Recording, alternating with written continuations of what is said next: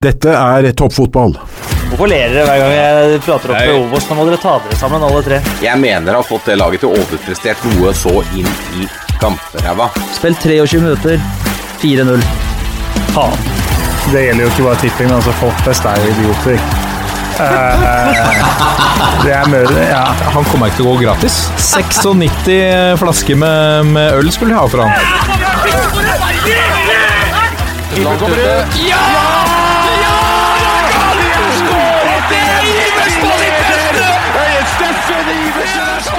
Og der er toppfotball tilbake igjen. Eh, Vi er jo midt i eh, denne eliteseriepausen, som vi jo kaller det. Andre kaller det landslagspause. For oss er dette en eliteseriepause hvor vi har mulighet til å fokusere 100 av vår energi og vårt engasjement rundt landslagene. For til fordel for alle de som er blindt opptatt av klubbfotball, enten det være seg i Norge eller utlandet.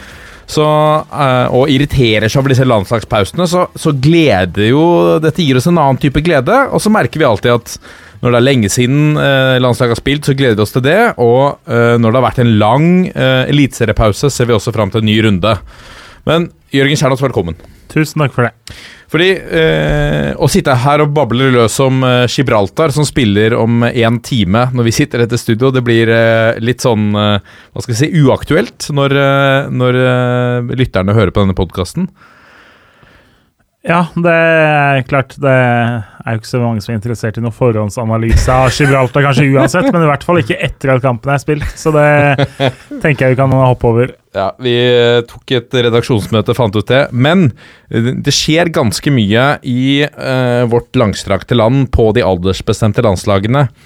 Eh, og der er vi jo innimellom uh, innom litt og snakker, med, snakker om ulike spillere. Eh, men nå har vi altså en, en gyllen mulighet til å sette oss ned, se litt på alt fra G16 til U21. Hvem er våre neste menn av disse? Hvem bør vi følge med litt ekstra i tiden fremover? Og hva skal de gjennom nå? Hva står på programmet for landslagene fra G16 opp til U21?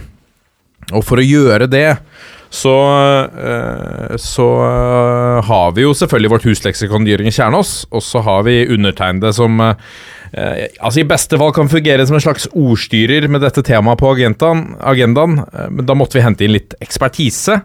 Da har vi gått etter en grunnskolelærer og fotballtrener som skriver litt for NTB.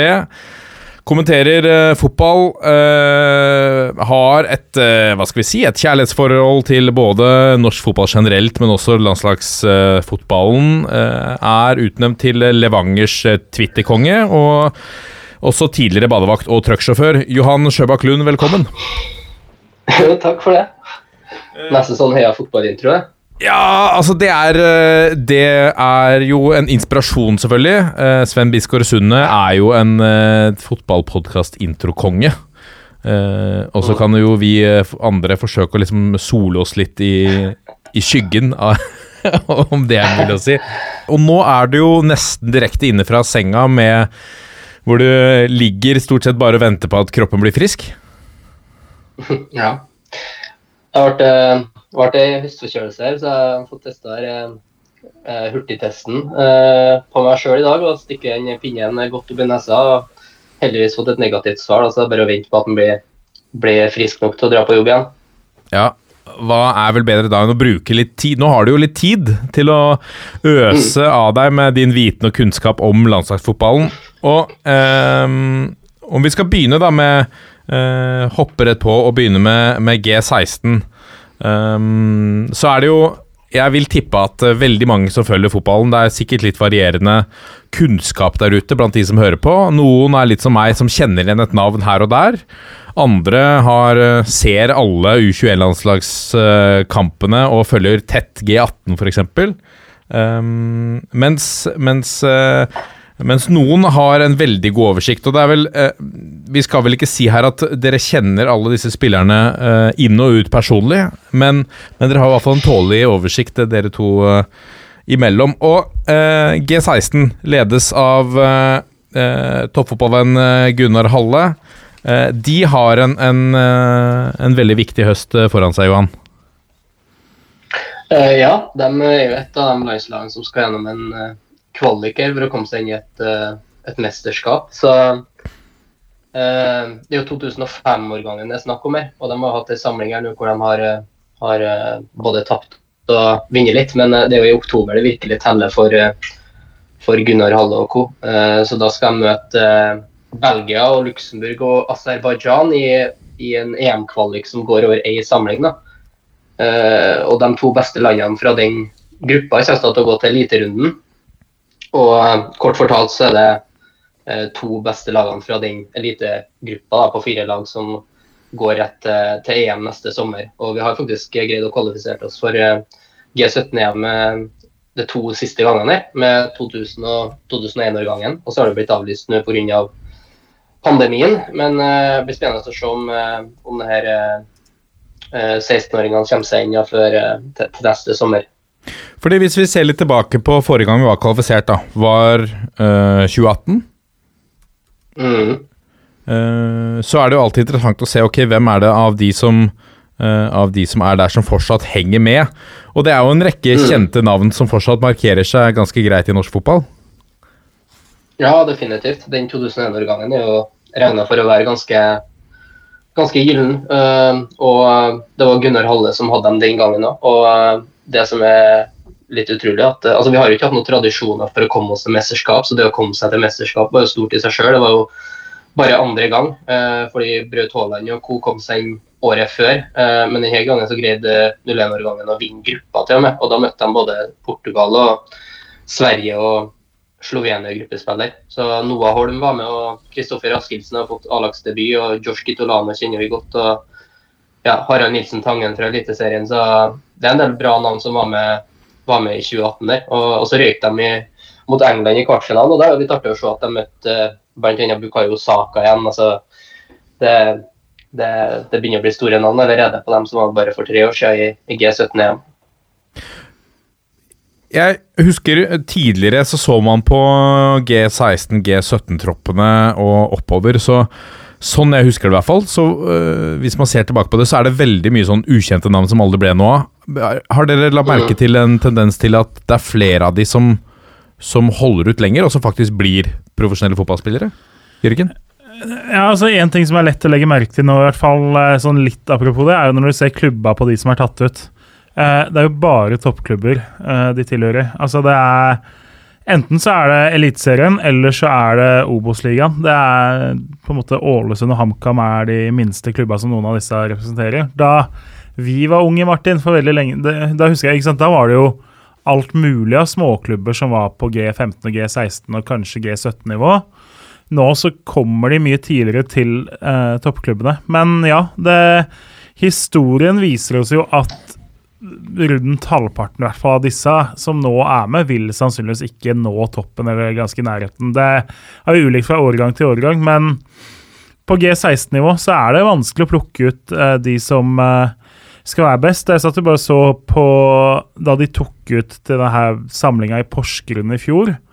Eh, på de som da er ett år eldre enn disse, 2004-årgangen, så var jo f.eks. da Elias Solberg var da på skyggelandslaget. Han var ikke tatt ut i den ordinære troppen. Eh, og nå, et år seinere, så er han solgt til Juventus for noen millioner kroner. Så i den alderen så vil det svinge veldig. og Bare opp på G18, G19-landslag så har vi noen som vi knapt har hørt om før, men som nå plutselig spiller med flagget på brystet. da. Så, så ja, en del av disse kommer statistisk sett til å maks spille annen tredjevisjonsfotball.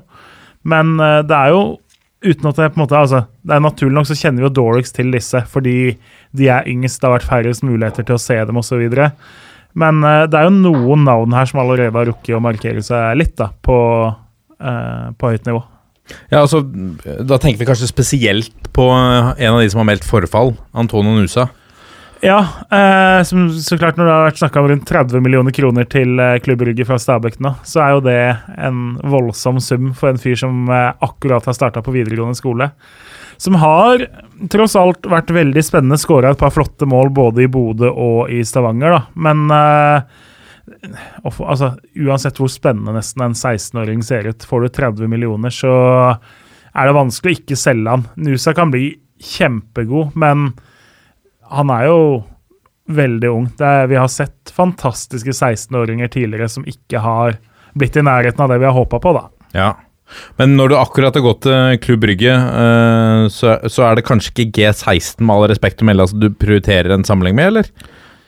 Jeg, jeg skjønner jo at han eh, har fått uh, lov til å på en måte komme seg inn i sin nye hverdag og på en måte inn i treninger, bli kjent med miljøet, bli kjent med medspillere, bli kjent med omgivelser, bli kjent med sitt nye liv. da. Det, og det er klart, han vet jo landslagstreneren veldig godt hva står for. Det er jo ikke som at Nusa sin plass når alvoret starter, vil være trua eh, for det landslaget her. Men Johan, jeg var nesten litt overrasket over å se ham på denne listen. Jeg ville tro at han på bakgrunn av prestasjonene sine ville, ville ta en plass på, på, G18 eller høyere. Hvor ofte ser man at uh, spillerne på altså under U21 da hopper over ledd? Der har man ganske uh, tydelig praksis på at man prøver å holde spillerne på sin årgang, og at de heller er nøkkelspillere i, i sin årgang før man flytter dem opp. det så vi jo med sånn Braut Haaland og, og flere, at de skulle være klare startere før de ble flytta opp i årgangen over. Og så henger jo det sammen med at uh, GF 2004 i hvert fall på, altså, uh, i hvert fall på, på sentral midtbane så har de veldig mye å velge av. Men, uh, men det er jo et eksempel da, at uh, Isak Hansen Aarøen er jo en midtbanespiller på 2004-årgangen som ble flytta opp på 2003, mens Andreas Schjelderup ble flytta opp helt opp på U21. Så det finnes unntak. men men prinsippene man jobber etter, er at man holder dem på sin årgang så lenge som mulig og lar dem være en nøkkelspiller. Og så er det viktig for de andre spillerne på 2005-årgangen at de har de lederne i sine lag òg, eh, og at de er i stand til å kunne være med og konkurrere eh, internasjonalt. Når de skal møte Belgia i, i høst, så kan det være veldig viktig for dem å ha med å ha med Nusa, som på en måte kan være tungen på vektskåla, hvis de skal greie å ta seg inn i et mesterskap. Så, så det er jo flere tanker i hodet samtidig. men eh, veldig viktig å ha konkurransedyktige dyktige landslag på, på, alle årganger for, for, å få med hele årgangen, hvis du skjønner, skjønner meg. Eh, eh, og nå kommer sikkert eh, et, et, av de spørsmålene som, som de ikke er sikkert har noe svar på, men, men eh, som du var inne på, Jørgen, da, da da vi var yngre altså Jeg husker da Arna Førsund, min lagkamerat, ble tatt ut på G16-landslaget. Da spilte han riktignok på A-laget til Ørn Horten, men, men, eh, men, da var jo dette en, en, stor greie. Og Vi ser jo nå på, på U21 A-landslaget. Det er jo eh, altså veldig stort å bli tatt ut på landslaget. Har G18, G17, G16 den samme statusen for spillerne som er på dette alderstrinnet? Ja, det er jeg ganske sikker på. At det å få lov til å spille med flagget på brystet for første gang, det er stort, selv om du har havna inn i akademiet til Molde eller Rosenborg eller Vålerenga. Vi så jo denne her TV 2-serien, Våre neste menn, het den vel. Hvor de fulgte noen av disse spillerne som da er tatt ut på landslag for første gang. Og bare skuffelsen på de som da visste at de var i vannskorpa, men så fikk de beskjeden om sorry, du er ikke med i den første ordentlige troppen. Eh, og gleden til de som da faktisk uh, får tilsendt denne pakka med liksom drakt og alt mulig. Så, så, ja, så klart at det er en stor milepæl i eh, alle disse spillernes karriere. Når du er 16 år Det er noen av disse som har spilt eliteseriefotball, men likevel. Det er én milepæl, men å spille flagg, med flagget på brystet, det er, liksom, det er jo noe spesielt for alle. Eh, hvis, hvis, du ikke bryr deg om det, da er du jo usikker om du er riktig mann for landslaget framover, nesten. Ja. Kan jeg supplere på den? Ja.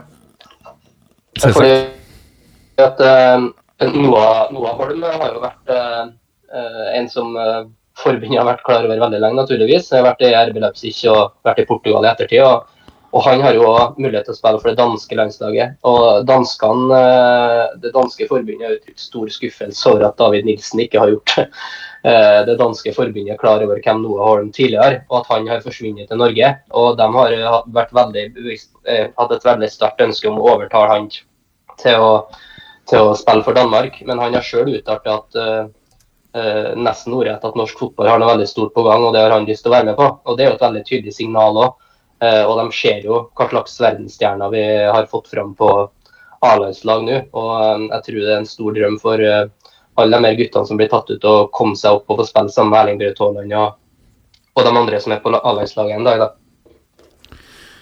For jeg, nevne, jeg må jo nevne én ting med det, eller to ting egentlig med dette G16-landslaget. En oppsiktsvekkende ting sånn, som Oslo-gutt er jo at ok, Nusa meldte forfall. da, da hadde vi jo, eller Han er jo fra Langhus, men han er jo fra Oslo fotballkrets i hvert fall. Eh, men uten han så er det jo faktisk ingen fra Oslo som eh, kom inn i troppen. Og det er jo klart det kan jo være litt sammensatt, sånn som Kasper Myhren Fjell hadde vel fort vært med, vært med men han tror jeg har vært skada. Hvor er han spiller hen, da? Eh, Grorud, egentlig fra Oppsal. Eh, det Har har han fått spille en del på Nei, tror, eh, nei, han har ikke spilt der. Jeg tror han har vært ute litt nå. Han har spilt veldig lite i hvert fall den sesongen her. Ja. Så det er vel litt årsak. Og ellers er det jo litt sånn tilfeldigheter, da. Men eh, det er klart, jeg tror ikke Oslo fotballkrets er kjempefornøyd sånn med å ikke ha sine spillere gjennom nåløyet. Det er jo litt prestisje her, og, og som den desidert største fotballkretsen som favner nesten en million mennesker. For man har jo med Follo-regionen og man har med Asker og Bærum òg, så det er jo omtrent en million som tilhører den kretsen. Man dekker liksom 20% av innbyggerne i Norge. Ja. Da bør man jo ha med ganske mange òg. Eh, en annen ting er jo at vi igjen i det årskullet her som jeg er veldig skuffa over at ikke er tatt ut, er jo Ørn Flø fra Hødd. Det, med, med det navnet så har du stjernepotensial. Burde vært der med det hø- ja, Ørn Flø fra Hødd er rett og slett en mann jeg håper kommer inn i troppen når det skal spilles som eh, kvalifisering. Hva er det som er spesielt med han, da? Det er noe med nei, klangen i navnet, først og fremst. da. De egentlig, altså, Ørn Flø fra Hødd. Det, Det er sterkt. Jeg liker den. Du glemmer ikke det navnet.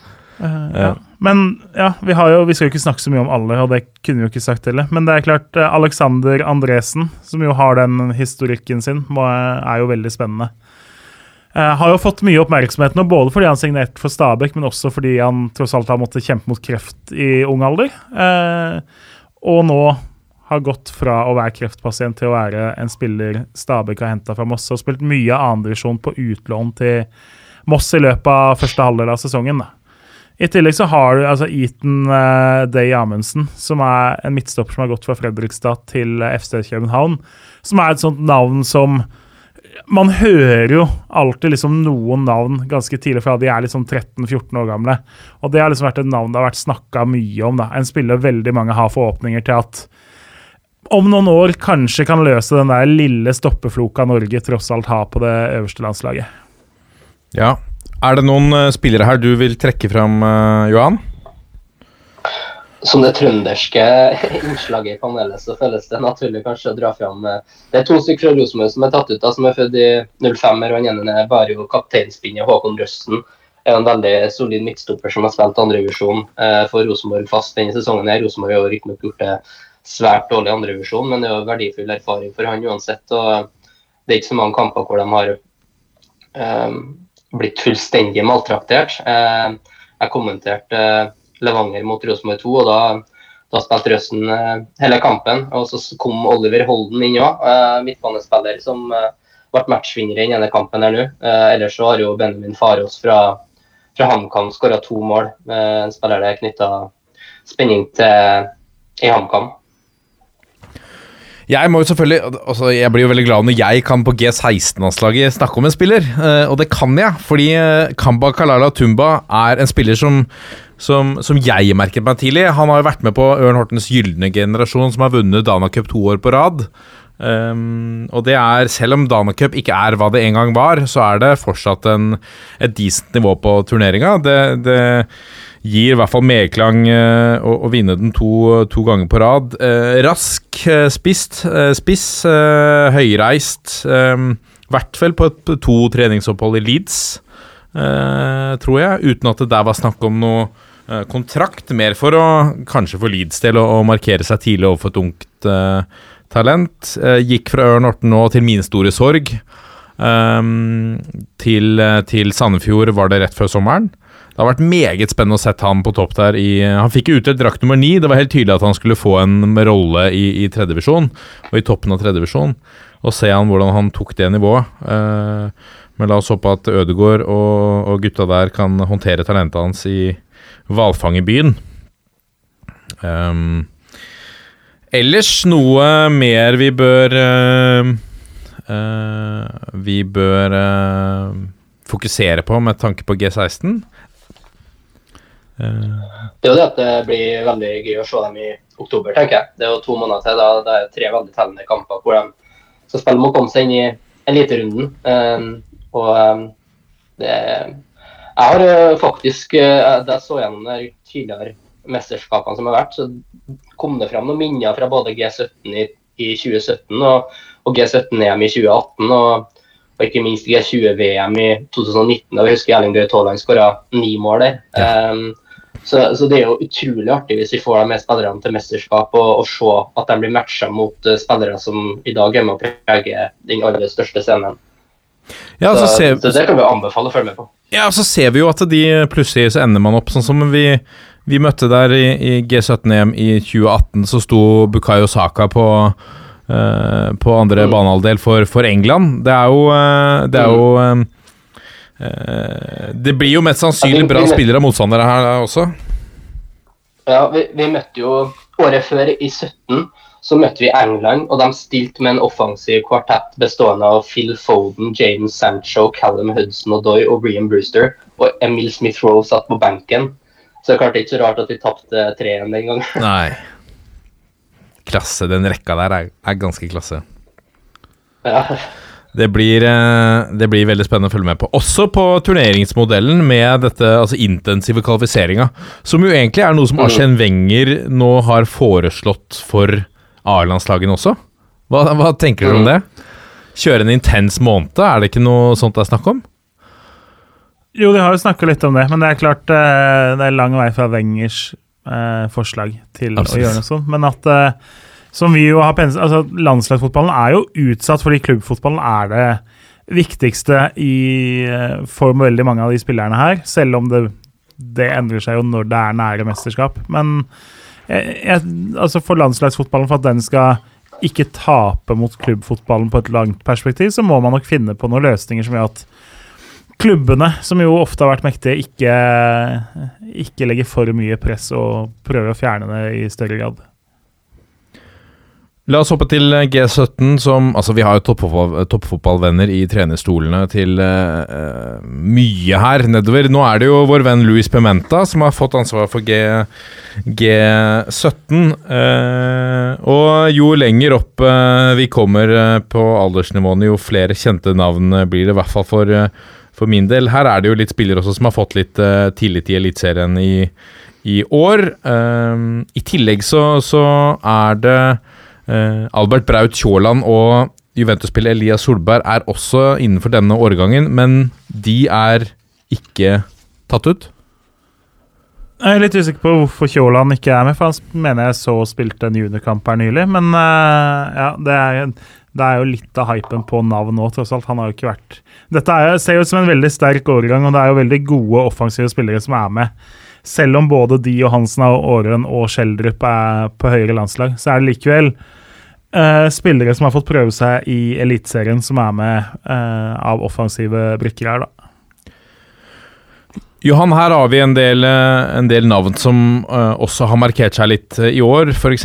Niklas Vassberg, som vel er lei av å, å høre at han er uh, barnebarnet til den ene og sønnen til den andre. Men, men Uh, du har spillere som Syver Aas, f.eks. Uh, hvem av disse er det du som Er det du anser som kanskje Altså den største profilen på G17 i dag? Uh, det er jo Du nevnte jo Elias Solberg, og så, og så nevnte jeg også virkelig tidligere Andreas Schjelderud på Isak Hansen Åren. Det er greit å ha med seg i bakhodet at de òg tilhører denne årgangen her. Ja. Når vi drar frem navn som Niklas Vassberg, da, som begynner å høre et navn for seg sjøl allerede i i Brann ser ut som en veldig artig spillertype. og Syver Aas nevnte. Eh, han har jo spilt fast i andrevisjon for et Odd-lag som eh, Odd 2-lag der som ligger helt i toppen av andrevisjon. Helt utrolig prestasjon av, eh, av, Odd som klubb. og eh, Han har jeg kommentert et par anledninger her og ser ut som en spiller med en virkelig personlighet. Det er veldig artig å se til å være så ung at han på en måte likevel eh, framstår som en ren leder i et andrevisjonslag. Eh, og så det Nikolai Hopland. Han var kapteinspinnet i ettermiddager. Jeg tror eh, de har spilt kamp nå i ettermiddag. Og eh, han har spilt noen kamper i Obos-ligaen for uh, Ålesund. Mens Johan Bakke, sønn av Eirik, har spilt noen kamper på midtbanen til, til Sogndal allerede. og så har kan du nevne han Motas Ali Al Al-Subi han har jeg ikke sett spille fotball, men det har blitt snakka veldig varmt om han fra det nordlige Norge. Hvor um, han gikk direkte fra Andenes, eh, tror jeg, til Nordsjælland og gikk i fotsporene til, til Skjeldrup der. Um, og når du blir henta av Nordsjælland, så er du automatisk en spennende spiller, for de vet hva de holder på med. Ja, for det var det jeg skulle til å si, at når du ser det, når du Ja. ser det klubbnavnet bak, så er det Jeg får helt Ja. andre assosiasjoner da enn det om det har stått FCK. Jeg opplever litt at de pinpointer litt og henter kun de største. Ja, eh, Nordsjælland vet i alle fall virkelig hva de gjør, og er veldig flink til å legge til rette for eh, altså Andreas Schjelderup valgte jo Nordsjælland foran SC København fordi han så at de hadde en veldig klar plan for hvordan han skulle greie å ta, ta stegene opp til toppen. og det, det handler vel om at det er litt lavere press på en klubb som Nordsjælland for å få resultater enn det det er FCK. Så veldig spennende at vi har noen, noe nordmenn der. og um, og så én klubb til som vi legger veldig merke til, og det er jo Atalanta. da, Alvander Roaldsøy fra eh, Drøbak i Nesodden, eh, som eh, gikk til Atalanta i fjor sommer, tror jeg. Spiller på G17-lag der. og Det er jo litt artig, for i den første kampen på den samlinga her, så møtte jo Norge Danmark nå på lørdag. Eh, og da ble jo han keeperen var Viktor Eng, av Jørgen, som ble utvist eh, rett etter at han ble bytta inn. Eh, og plutselig så hadde Norge brukt opp alle byttene, og Alvander Roaldsøy måtte stille seg i mål, og så ble det straffekonk. Og tror dere ikke at Alvander Roaldsøy ender opp med å bli straffehelt, da, midtbanespilleren? Eh, redder tre straffer, og Norge går, eh, går videre. Så det, det er jo veldig kult. Og det, det er en spiller som, eh, som eh, har et klubbnavn bak seg, og som klinger veldig godt. da. Men det er jo liksom øh, Det kan jo være at du har plutselig at det er en eliteseriespiller som Eller eliteseriespiller, en, en utespiller som er sterkere på strek og reflekser enn de to keeperne du f.eks. har i troppen. Ja, det er som jeg sa, at altså, Roaldsøy er jo veldig høyvokst. Ja. Han er, jeg skjønner jo at det var han som fikk keeperhanskene når du først måtte ha en utespiller i mål. Bare ta en titt på spillerne, du, så skjønner du at det er han som skal prøve. Men gå inn i den rollen og, og redde flere straffer. Men min lille altså, Ofte at utspillere nesten kan altså Det å lese straffer, da. Eh, du har litt erfaring sannsynligvis med å ta straffer selv, du kan se litt på eh, oppløp og sånne ting. da. Så det er ikke alltid det trenger å være en kjempeulempe på et sånt nivå. At det eh, kan være at en to meter høy utspiller faktisk er bedre enn enkelte keepere der. Og så skaper det litt Eh. sånn Det skaper litt sånn støy, eller eh, det siste du vil eh, som når du skal ta Altså det er press rundt å ta et straffespark, da. Og jo mer sånn usikkerhet, rare ting som spiller inn, kanskje som kan tulle litt med huet ditt, i hvert fall når du er Ja, så, 17 år, da. så mener jeg jeg leste noe om at det var keepertreneren nå hadde gitt han ganske De hadde faktisk gjort såpass research at de hadde litt analyse av hvor disse antagelige straffetakerne skulle skyte. da. Ja. Så det, er litt, det, det sier jo litt om hvordan fotballen har blitt. At selv på, i første G16-landskamp så har du en peiling på de danske 16-åringene og hvor de sannsynligvis vil sette straffene sine. Det, sånn var det ikke før. Eh, men vi har jo et par andre nå. altså Jakob Eng fra Vålerenga, som de henta fra Lyn før denne sesongen. Han har jo fått to sjanser i Eliteserien nå. Lynhurtig kantspiller, som også har vært eh, ganske bra i eh, andredivisjon. Og ser veldig spennende ut og høres ut er en spiller som eh, Fagermo ser ut til å like. Så han er verdt et lite utropstegn. Henrik Skogvold har ikke spilt eliteserie for LSK ennå. Jeg har sett den uh, i tredjedivisjon. Kantspiller med på en måte altså, teknikk og litt kraft og litt fot. altså eh, Mangler kanskje ekstremegenskapene, men har mye av også litt personlighet og liksom, litt av den hele pakka. da. Og så har du Magnus Risnes igjen, når vi er på sønn av. Sønnen til Dag Risnes. Uh, så det, de finner jo nesten på alle disse landslagene, så går det jo igjen at det er noen spillere som har fedre som har vært uh, gode. Og Risnes er jo en av de mest spennende spillerne i Vålerenga-systemet nå. De har jo flere på den midtbanen, både han Emilsen og ikke minst da Odin Tiago Holm, som da er året eldre. Og så eh, Ja, så det er også et par navn å legge merke til. Og så har vi jo Martin, gledelig, gledelig nok for deg også, en Horten-kar på dette landslaget. Dennis Gjengård, ja. Ja.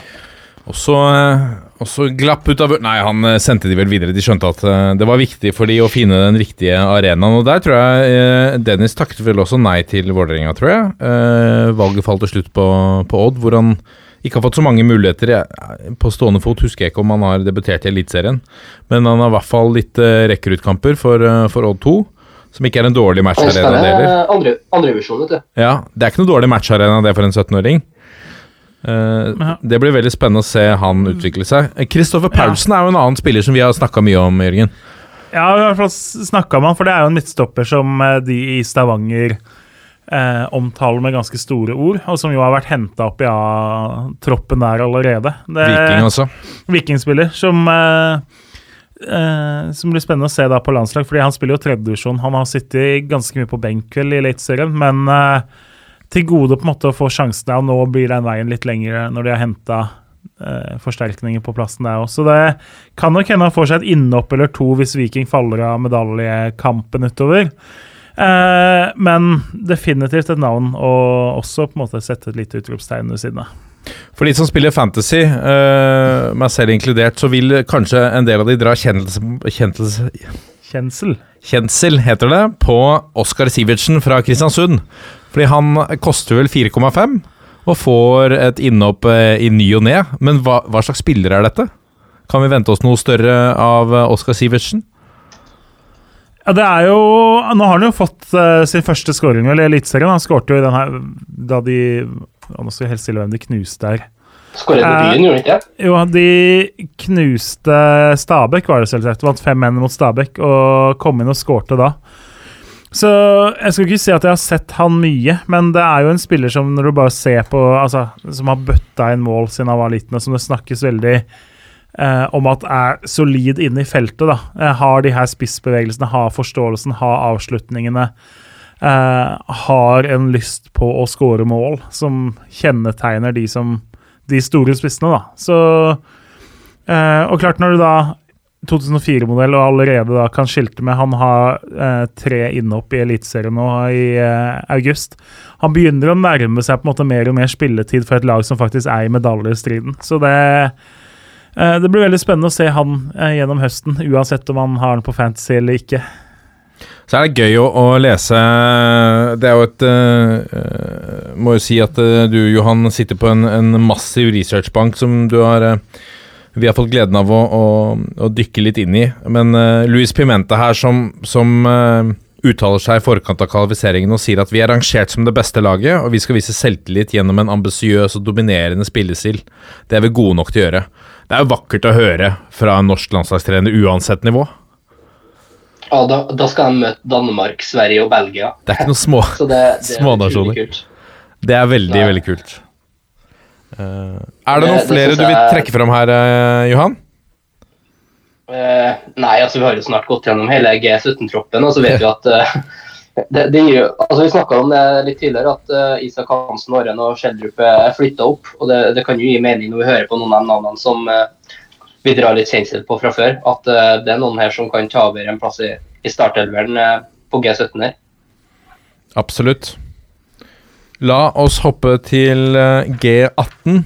Um, og her har vi Ja, jeg nevnte Isak eh, Aarøen, som ble tatt, flyttet opp hit. Har meldt forfall pga. En, en skade. Eh, eh, hva er Her er det også en, en rekke navn som flere tar kjennelse på. Og her begynner eh, for alvor de utenlandske klubbene å markere seg på tilhørighetslisten. Uh, Bryan Fiabema gikk vel til Chelsea i, eh, i 2020, var det ikke det?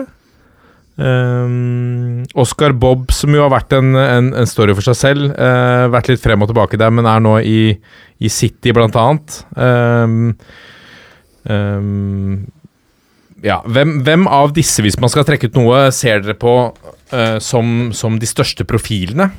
Vi har jo altså Christos Safaris. Han er riktignok nå fortsatt i, i norsk fotball, men det er også en mann som vi har snakket mye om. Mm. Det, det er jo veldig mye å velge på 2003, og det er en av de organene som det er prata aller mest eh, eh, positivt om. Eh, det blir jo veldig sånn eh, optimistisk det her, og det høres ut som at Norge har en veldig lys framtid, men eh, når du plukka tak i meg og Jørgen òg, jeg tror vi begge to er ganske positive til sånn som de her aldersbestandte landslagene ser ut. Men Ja. du har nevnt Fiabema og Bob, og begge har jo trent med førstelagene i henholdsvis Chelsea og Manchester City allerede, og det tar du egentlig for seg sjøl. Det er jo eh, rimelig sterkt. Og Leofur Leo Fur Gjelde fikk jo en overgang fra, fra Celtic til Leeds nå i, i vinter her, og, nei, i sommer, unnskyld. og eh, jo, vi, vi- følger jo her midtstopperne med litt ekstra stor, stor spenning. da. Har et håp om at han kan vokse seg som en eh, stopperbauta på landslaget i framtida. Han eh, er venstrebeint stopper som er sønn av Jon Ovald, av Gjelde, som Han er kommer det, fra Det var det jeg lurte på. kommer. Ja. Ja, altså han, eh, han har gått gradene i trygg lade og vært så vidt innom Rosenborg, men så kom Celtic og banka på døra og sett ham i landskamper, og da var han, var han fort uh, reist til Skottland. Uh, og så er det en til som bør nevnes som spiller utenlands, og det er jo Christian Malt Arnstad, som allerede har kamper i, i belgisk toppdivisjon for et så stort lag som Anderlecht, og har Vincent Company som trener. Så um, han hatt en situasjon hvor de, de hadde en del fravær pga. Covid og og, og skada i vinter, eh, i vår, hvor, de, hvor, han fikk noen muligheter. Eh, og så har de styrka seg voldsomt i løpet av sommeren, og han har vært ute av, av kamptropp. Men eh, jeg tror han er i gode hender i, i Anderlecht. Han bærer jo kapteinspinnet med gjennom Euro for det her landslaget. Jeg kunne jo fortsatt egentlig, men Jørgen kan få ta over. ja, altså, av de som spiller eliteserie, så er det jo to navn som stikker seg ut. Altså, Odin Tiago Holm har jo lenge vært en spiller med et veldig stort utropstegn bak seg. Og det er klart, man venter jo på at det skal løsne helt for han. Har jo ja, for vi har ikke sett den magien Fagermo snakker om. Det er det største talentet han har sett. Vi har ikke sett det, vi har sett glimt fra Eliteserien. Vi har jo sett det, men altså, skader har jo spolert en del av oppkjøringa hans nå. Nå har han vært litt ute med skade nå nylig og sånn, så uh, Men altså, som på en måte spiller jo når han har dagen uh, trakk vel fra meg forrige altså, Hvis folk vil se liksom, en spiller som er for god for nivået sitt, så ser han i andredivisjon mot Senja, da de vant 5-1 og han skåret tre mål. Og, på, altså, han er så god i den kampen at det er kanskje beste liksom, enkeltprestasjon jeg tror jeg har sett av en spiller nesten den sesongen her i norsk fotball. Uh, men så er det liksom, altså skal, han er, er han jo en type. Han er jo en personlighet. Han har jo potensial til å bli en ordentlig profil. Men skader har da ødelagt for mange før, så det er jo et liten bekymring Altså, han er 18 år, da. Men det er jo en liten bekymring hvis disse skadene fortsetter å komme nå. Nå har 2021 vært litt trøblete for han der. Eh, skulle det fortsette et år og to til han plutselig liksom blir 19 og 20, det er litt skadeavbrudd her og der, så er jo det bekymringsfullt. Men vi må jo håpe at han på en måte blir kvitt de. Og det Fagermo virker jo å ha enorm tro på han, og under Fagermo så har Warringa vært veldig god på å slippe til unge spillere. Så selv om den kampen på midtbanen er tøff der, eh, så, så tror jeg jo at Holm og Warringa kan bli et voldsomt på en måte At det endelige gjennombruddet kan komme neste år, da, så lenge skadene holder seg unna. Og så har du da en annen som det har vært snakka om, ikke med like store ord, men snakka mye om, er jo Tobias Gulliksen som jo nå virkelig siste måneden, halvannen, egentlig har begynt å skinne ordentlig for Strømsgodset. Skårer, er kreativ. Eh, egentlig best på midten. Har spilt litt eh, kant der for å på en måte passe inn. De har jo en god midtbane også, så for å få spilletid så har de ofte dytta han ut steder hvor kanskje ikke han er best, men hvor det er best for godset som helhet. Da. Og det så han har jo den verdifulle spilletida nå. Han får spille mye på øverste nivå. Mens du har andre spillere her som er ganske langt unna å spille høyere enn tredjedivisjon nå, da. Så det, det, er definitivt to navn som vi kommer til å få høre mye om fra den årgangen her. Ja, og så må vi nevne, vi har jo noen som viderefører en, en sterk norsk tradisjon, nemlig å vokte buret i, i, Tottenham, som tidligere har uh, hvilt på hanskene til Frode Grodås og, og Espen Bårdsen, men nå også Og uh, Erik Thorstvedt, ikke, og Erik Thorstvedt, ikke minst! Altså, ja, for en tradisjon for norske keepere. Um, Isak Solberg, uh, Johan. Um, mange vet nok ikke at vi, vi har faktisk en, en mann på U18-laget til Tottenham. Nei, og um, han skal ikke heller gå noe dypt inn i noen analyse på, men jeg vet at han spiller, han spiller uh, Premier League G18-fotball for Tottenham da, og um, vokter buret på, på G18-landslaget. Så det er jo, vi er jo bestandig ivrige på å se Jeg sa stoppere i stad, men også, og keeperplass er jo veldig kjekt å se at det kommer fram folk som, som gjør seg bemerket. da. Men, men interessant, uh, interessant, diskusjon her er jo for det, på, på, på, G18 så merker vi for alvor at det er en større spredning, uh, eller et større skille. da, Det er en rekke av, av spillerne her som spiller i hjemlig liga i Norge. Og så har du en del av de som har gått ut tidlig og nå aksler trøya til et, uh, til et lag nedover i Europa. og da er jo det evig altså tilbakevendende spørsmålet er hva er best? Er det best å bli værende hjemme? Hvilke tanker gjør dere dere når eh, med tanke på den diskusjonen der, da. Det har vel kanskje endret seg litt etter at alle slaktet Jon Arne Riise og agenten hans for at han dro som 16-åring til Monaco. Nei, altså, For å starte med konklusjonen, så er det jo at alle spillere er forskjellige, og at eh, det vil være veldig individuelt. Noen trenger på en måte å komme seg ut fra mor og fars eh, trygge favn og på en måte få lov til å eh, være ansvarlig for seg selv i større grad og komme seg ut og trives med det. Noen mistrives, noen passer ikke. Eh, noen velger feil klubb eller er uheldig med timinga, med at liksom trenere byttes ut eller det endres på en måte takt i, eller plan for spillere i ulike klubber, da. Så eh, du, det er jo et større sjansespill, vil jeg si, å havne ut. Og ikke sant, nåløyet selger for sånn Bob og uh, Fiabema her, som er i Chelsea og City, og tross alt gjør det ganske bra på aldersbestemt lag der, men ikke sant, å skulle lykkes på det nivået med, som A-lagene deres er på Vi snakker jo uh, de to klubbene som spilte Champions League-finale nå sist. Skal du inn der, så er, må du være blant de 200-400 beste spillerne i verden. Egentlig skal, eller 500 skal ha sjanse til å spille mye der. Mm. Eh, men hvis du som Bob og Fiabema ikke lykkes der, sjansen er jo stor for at de aldri kommer til å spille mye A-lagsfotball. Har du gjort det bra på aldersbestemt nivå der, så får du på en måte en neste sjanse på et godt nivå. Du må ikke tilbake og spille for Ullkisa som neste steg. Eh, du får sannsynligvis Hvis ikke det heter Dan Alexander Olsen, da, så må du jo eh, Jo da, men nå har jo han hans historie Han burde jo nesten hatt som gjest en gang, for den er jo helt utrolig. Eh, så men For å dra den veldig kort, da, for de som ikke kjenner han, mannen som gikk under radaren til alle. Da, På det tidspunktet så var jeg jobbet jeg som løpegutt, kontorassistent i, på NFF. Og Da stilte man spørsmål, da gikk han til Tottenham, ble lansert vel på en pressekonferanse der og ble filmet med at han trente med Edgar Davids og det hele. Og Da tror jeg det var Tor Ole Skullerud som, som var G19-landslagstrener. Fikk spørsmål om hvorfor har de ikke plukket opp han, og han var helt ærlig og sa at vi, vi har ikke syntes han var god nok. Og plutselig så uh, signerte han for Tottenham. Og så gikk jo veien videre derfra til Valencia B, vel? Uh, ja. Men har han, uh, han har ikke tatt en sånn Bjørn Mars og reist rundt hele Europa? Nei, Han har reist hjem igjen. Nå har han jo spilt for Gjøvik-Lyn de siste fem-seks sesongene, etter at Fredrikstad ikke ble all verden. Så men det er klart, jeg, jeg tipper man svetta litt i NFF liksom, på hva er det vi har missa her. Eh, men sånn som Roaldsøy, som vi også snakka om her for litt siden, eh, han debuterte jo i tredjedivisjon for Drøbak som 14-åring. Alle toppklubba visste veldig godt hvem han var. Mange av dem har brukt mye tid på å se på han ikke alle som heller liksom ved første øyeblikk var, eh, var umiddelbart solgt. Nå spiller han altså for Atalanta og måtte har tatt det steget. Så det, det er jo vanskelig å treffe på det nivået. Men ja, det, det, blir, det går ikke an å si altså Hvis Bob mislykkes nå Kanskje hadde han gjort det hvis han ble i Vålerenga òg. Eh, men eh, jeg tror veldig at det er sånn som Odin Tiago Holm, hvis han får spille nå for Vålerenga Tobias Gulliksen spiller mye i eliteserie. Du skal argumentere veldig godt for å overbevise meg om at de hadde hatt et bedre 2021 for å spille for et juniorlag et eller annet sted ute i Europa, da. Men, uh, men ja, man vet jo ikke. Hva tenker du, Jan?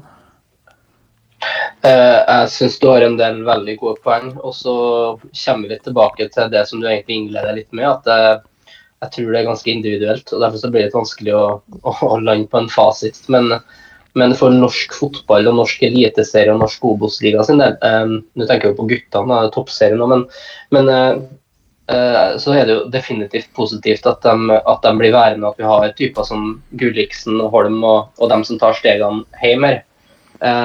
Men så er det litt sånn individuelt eh, hvem som har godt av å være hjemme hos uh, mamma og pappa og vokse opp i trygge omgivelser, kontra dem som på en måte har personligheten til å gå ut og, og klare seg eh, klarer seg utenlands allerede fra, fra ung alder, fra med 16-17 år. Men eh, vi har jo vi har jo en Hva skal jeg kalle det? Um, et, altså vi har, da, vi har jo noen agenter oppe her òg, uh, hvor vi ser da, sammenlignet med da Dag Alexander Olsen uh, dro til utlandet. Godt så mulig han jo hadde agent, men nå tror jeg at det er mange flere 16-17-åringer som har agenter som tydelig er på.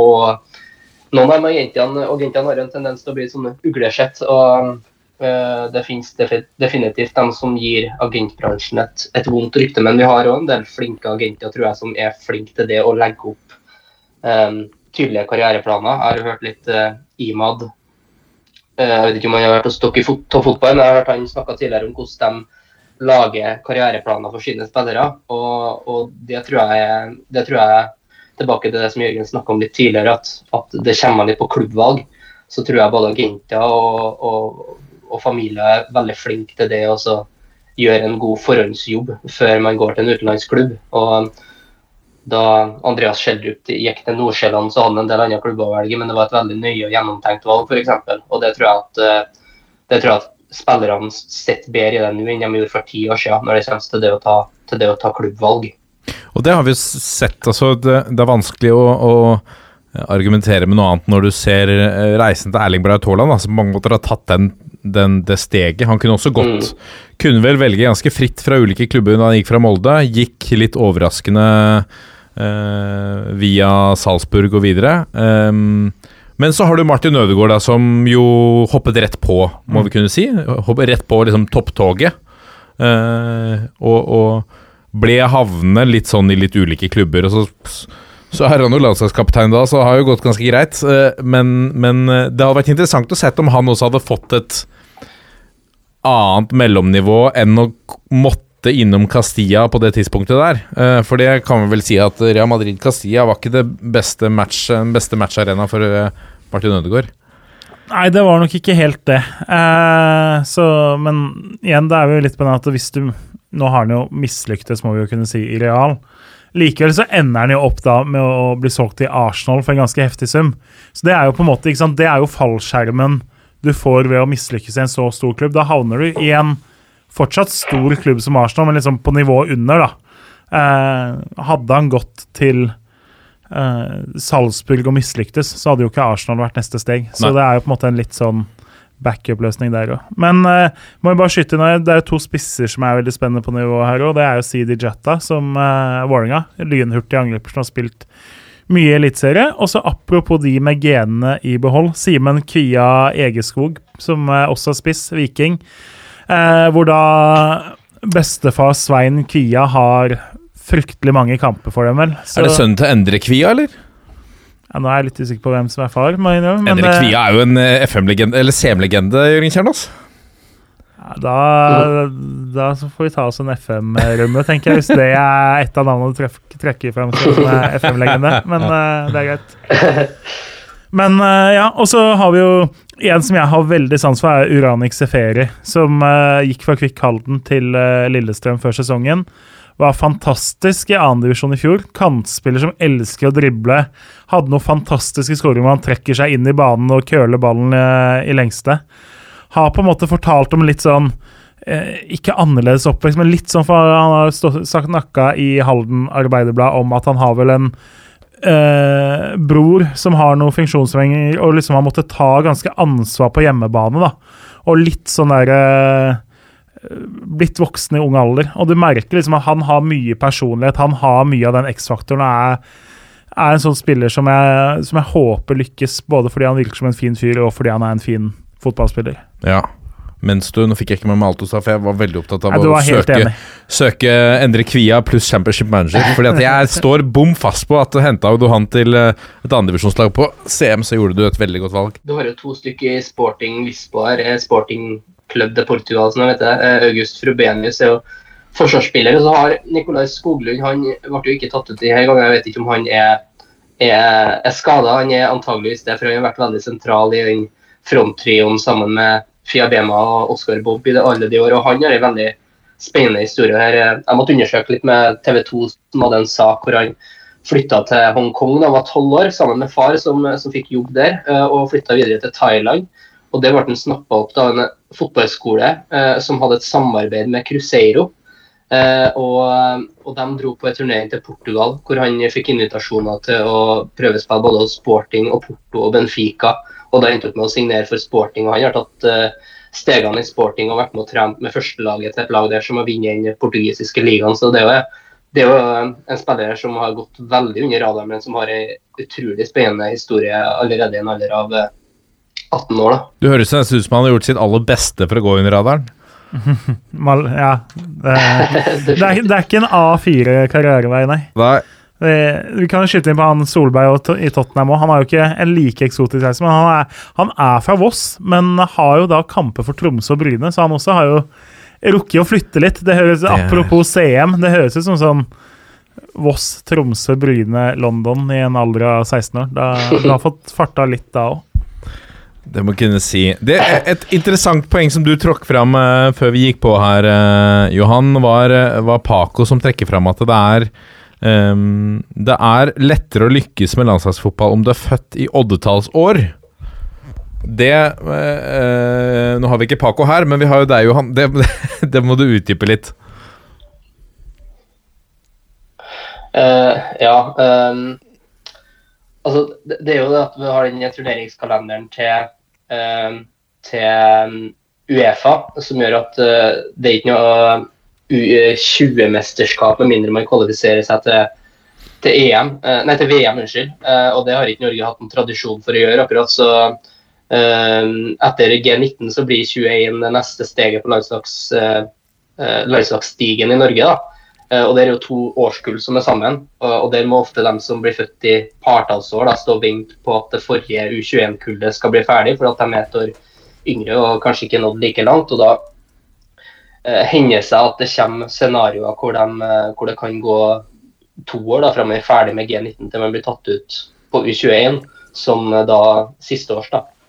Så, så det, det blir et sånt stort gap, som Paco har påpekt. da. Um, Så det er da også mangel på, en del mangel på internasjonal, internasjonal matching i den, i den perioden, da. Ja, og fordi at det ikke er matching eh, inn mot mesterskap med kvalifisering. Så det finnes jo internasjonale datoer likevel. Og her har jo Paco etterlyst det at NFF skal legge midler i det å arrangere samlinger på G20-nivå. Så det er det som er litt interessant med landslagspausen her, at her har vi faktisk samla på guttesida av landslaget fra 16, 17, 18, 19, 20 og 21. Og sånn bruker det å være hver gang. For eh, som jeg innleda med, så er det kun G16 og G18 og U21 som har, i, som har en kvalik å spille for i høst. Og det det er G17-EM neste sommer, G19-EM neste sommer, og så er det U21-EM i eh, 2023 blir faktisk da. Så det betyr jo at de som er på G18 og G, G20 men eh, bomma litt, men de som er på G17 og G19 det her året, de hadde egentlig ikke trengt å ha samling fordi at de ikke har noe obligatoriske landskamper i høst. Det ble litt uh, fram og tilbake, men jeg, jeg tror jeg landa den. Ja. ja, jeg tror vi fikk det med oss. Men, men vi har jo en veldig innholdsrik høst for, for G18, da, hvis jeg kan ta den. Ja, absolutt. Fordi at uh, jeg sa jo at G, G16 har ei kvalifisering de skal inn i, og det har jo G18 her òg. Og de var jo faktisk seda i det nevnte du i stad, eh, de, er- seda i pott A, uh, av, altså fra A til D. Så Norge er seda i den øverste rankinga. Uh, og i oktober så skal de ha EM-kvalik på hjemmebane. Og kvaliken er likeens som på G16. Eh, at de er fordelt på Det er jo 54 medlemsland i, i Uefa, og de er fordelt på 13 grupper. da. Og Der har Norge blitt plassert i gruppe med Wales og Kosovo og Georgia. Og De skal spille mot hverandre i oktober. og Da er det de to øverste lagene som går til hviterunden, som skal spilles til, til våren. Og Der ble igjen eh, gruppa med fire lag, da, hvor Norge blir nødt til å vinne den gruppa hvis de skal ta seg inn i EM neste sommer. Og Der er det, der er det faktisk eh, kun åtte lag som skal delta. Så det å sette litt i perspektiv at sist gang vi kom til G19-EM, eh, så var vi i gruppe i eliterunden mot Kroatia, Tyskland og Ungarn, og den greide vi å vinne. Da, Strand Larsen og Hove og Tagseth og co. var med. Så det er et ekstremt trangt nåløye for det G18-laget nå i høsten som kommer. Men det blir veldig spennende å se om de her 2003-modellene greier å kvalifisere seg for, eh, for EM. For dem, eh, det, det er en eh, årgang hvor vi har litt forventninger. Og EM arrangeres i Slovakia neste sommer.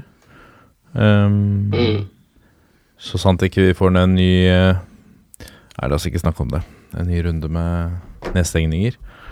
Um, Nei, det, vi, vi går ikke den veien. Nei, nei, nei. Det syns jeg ikke vi skal. nei, vi hadde det så hyggelig her. uh, skal vi gå videre til, til G19, da? G19 så vel, mens vi sitter her, nå er det jo ferdig, jeg har spilt treningskamp mot fram, Håkon Ludovs Fram Larvik i dag. Jeg prøvde å finne et resultat der, men eh, To ganger 35, var det det? ja, det kan stemme. Litt kortere der for ikke å slite oss ut, eller? Mm. La oss hoppe inn på, på eh, dette laget her. Har vi jo mannen øverst på denne listen, Colin Røsler, sønnen sønn av sin far. Ehm, er eh, eh, en type som vi også har hørt litt om, kanskje litt pga. Uh, faren, men, men det, det, knyttes litt forventninger til han også? Jørgen? Ja, dette var jo litt spesiell Det var jo litt spesiell samling med, med G19, så jeg kan ta det først før, før Jørgen slipper det. Um, fordi de har, Det er jo et G19-landslag, og da skal de i utgangspunktet være 2002-modeller. Men de har med en del overårige som både er førsteårs overårige, og college wrestler er jo to års overårig. Og her er jo litt for å tilbake til det vi snakka om i stad. at etter Paco sitt scenario så ville Colin Røsler blitt nødt til å vente nå fordi at han er i bakleksa på U21, men for å holde han litt i gang fordi at de mener at han er i nærheten, så er det fint å kunne få få i samling. Da. og De har møtt Frankrike nå, som har en del meget bra spillere. Um, og Da var det greit for det 19-laget å få med seg litt mer erfarne typer som Colin Røsler.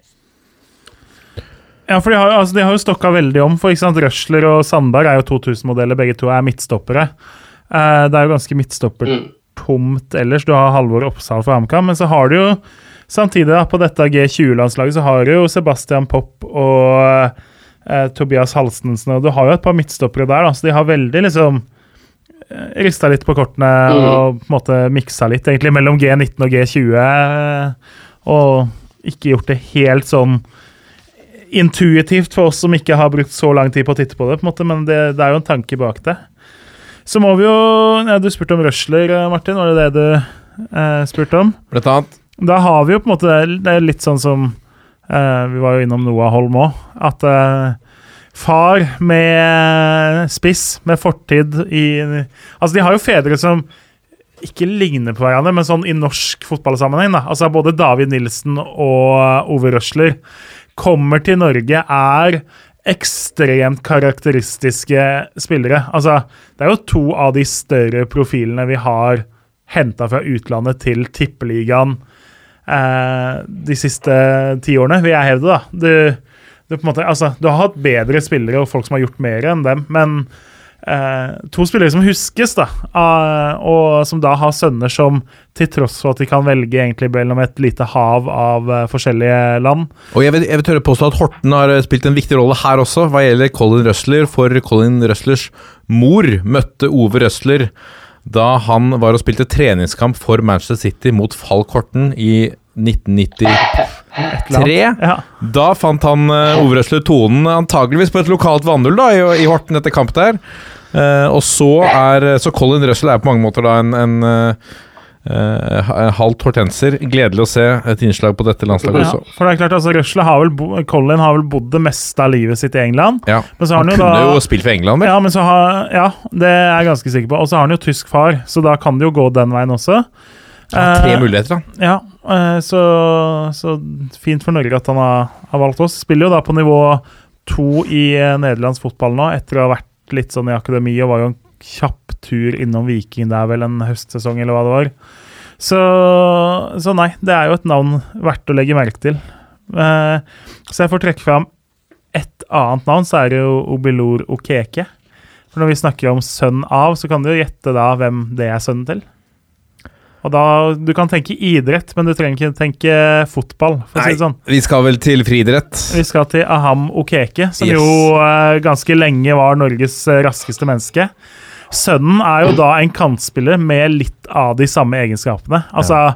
lynrask og har egentlig tatt kometsteg i Asker denne sesongen. Kom fra juniorlaget til Skeid. Liksom, Virka ikke å være i nærheten av noe annendivisjonsfotball for Skeid, men så så Asker noe som da Skeid kanskje har missa eller ikke fått sjanse til å ta. Eh, så Okeke har gått fra å være for et halvt år siden en spiller veldig få visste hvem var, til å på en måte være et navn som sannsynligvis får utropstegn og to streker under seg når det er speidere på kampene i andredivisjon. Så det jeg hadde ikke peiling på hvem han var for sju-åtte måneder siden. Nå så er det en spiller som, uh, hvis, hvis, man følger andredivisjon uh, og prøver å finne juveler der, så er jeg ganske sikker på at det er et navn mange har merka seg der. Uh, uh, Magnus Sjøeng uh, på keepersiden, vi har vært innom litt keeper her i dag også, eh, ble omtalt som, som eh, et av viktigste, en av de viktigste signeringene Vålerenga gjorde i dette overgangsvinduet med tanke på kontraktsfornyelse. Eh, snakkes om å være den neste eh, Den neste førstelagskeeperen på, på, på Valle, i hvert fall. Hva er dine tanker rundt han, Jørgen? Eh, sett litt i andre divisjon. Uh, må innrømme at det, det var store ord du kom med, med der. Men det er klart, han, han er svær. Han, er, han må være nesten to meter høy, tror jeg. Men de, Så- har jo, de snakker jo om han som veldig som, svært lovende. Ja, var klart altså Gjermund Østby, som er keepertrener i Vålerenga, har vært det siden forrige årtusen. Eh, har jo en god historikk eh, etter hvert nå med å få fram disse unge keeperne. Så Men det er klart, å være ung keeper Du skal ha flaks med timinga og flaks med trener og flaks med klubb og, og gripe sjansen når den først kommer, da, for å virkelig slå til. Det Så har jo Kjetil Haug stått solid i Vålerenga, og nå har de henta Dyngeland på lån, så den veien fram er jo fortsatt ganske lang. Men en god kamparena i andredivisjon, det, eh, det må være bra. Så enn så lenge. Hvilke andre spillere her eh, vil du trekke fram, eh, Johan? Eh, Du har jo to i Bodø-Glimt. Eh, Joel Mbuka og Lasse Nordås har gått dit i løpet av den siste eh, den sesongen her etter å ha gjort det bra i Obos-ligaen begge to. Ellers så har jo Colin, eh, nei, unnskyld, Harald Nilsen Tagland har jo allerede etablert seg i Eliteserien som en viktig spiller for, eh, for Viking. Også Leo Kornic, som har gått til Djurgården og kanskje etter hvert greier å ta over eh, plassen til Aslak von Wittry på høyrebacken der. Etter å ha gjort det veldig bra for, for Grorud. Um, så hovedsakelig dem kanskje som det er verdt å, å trekke frem her.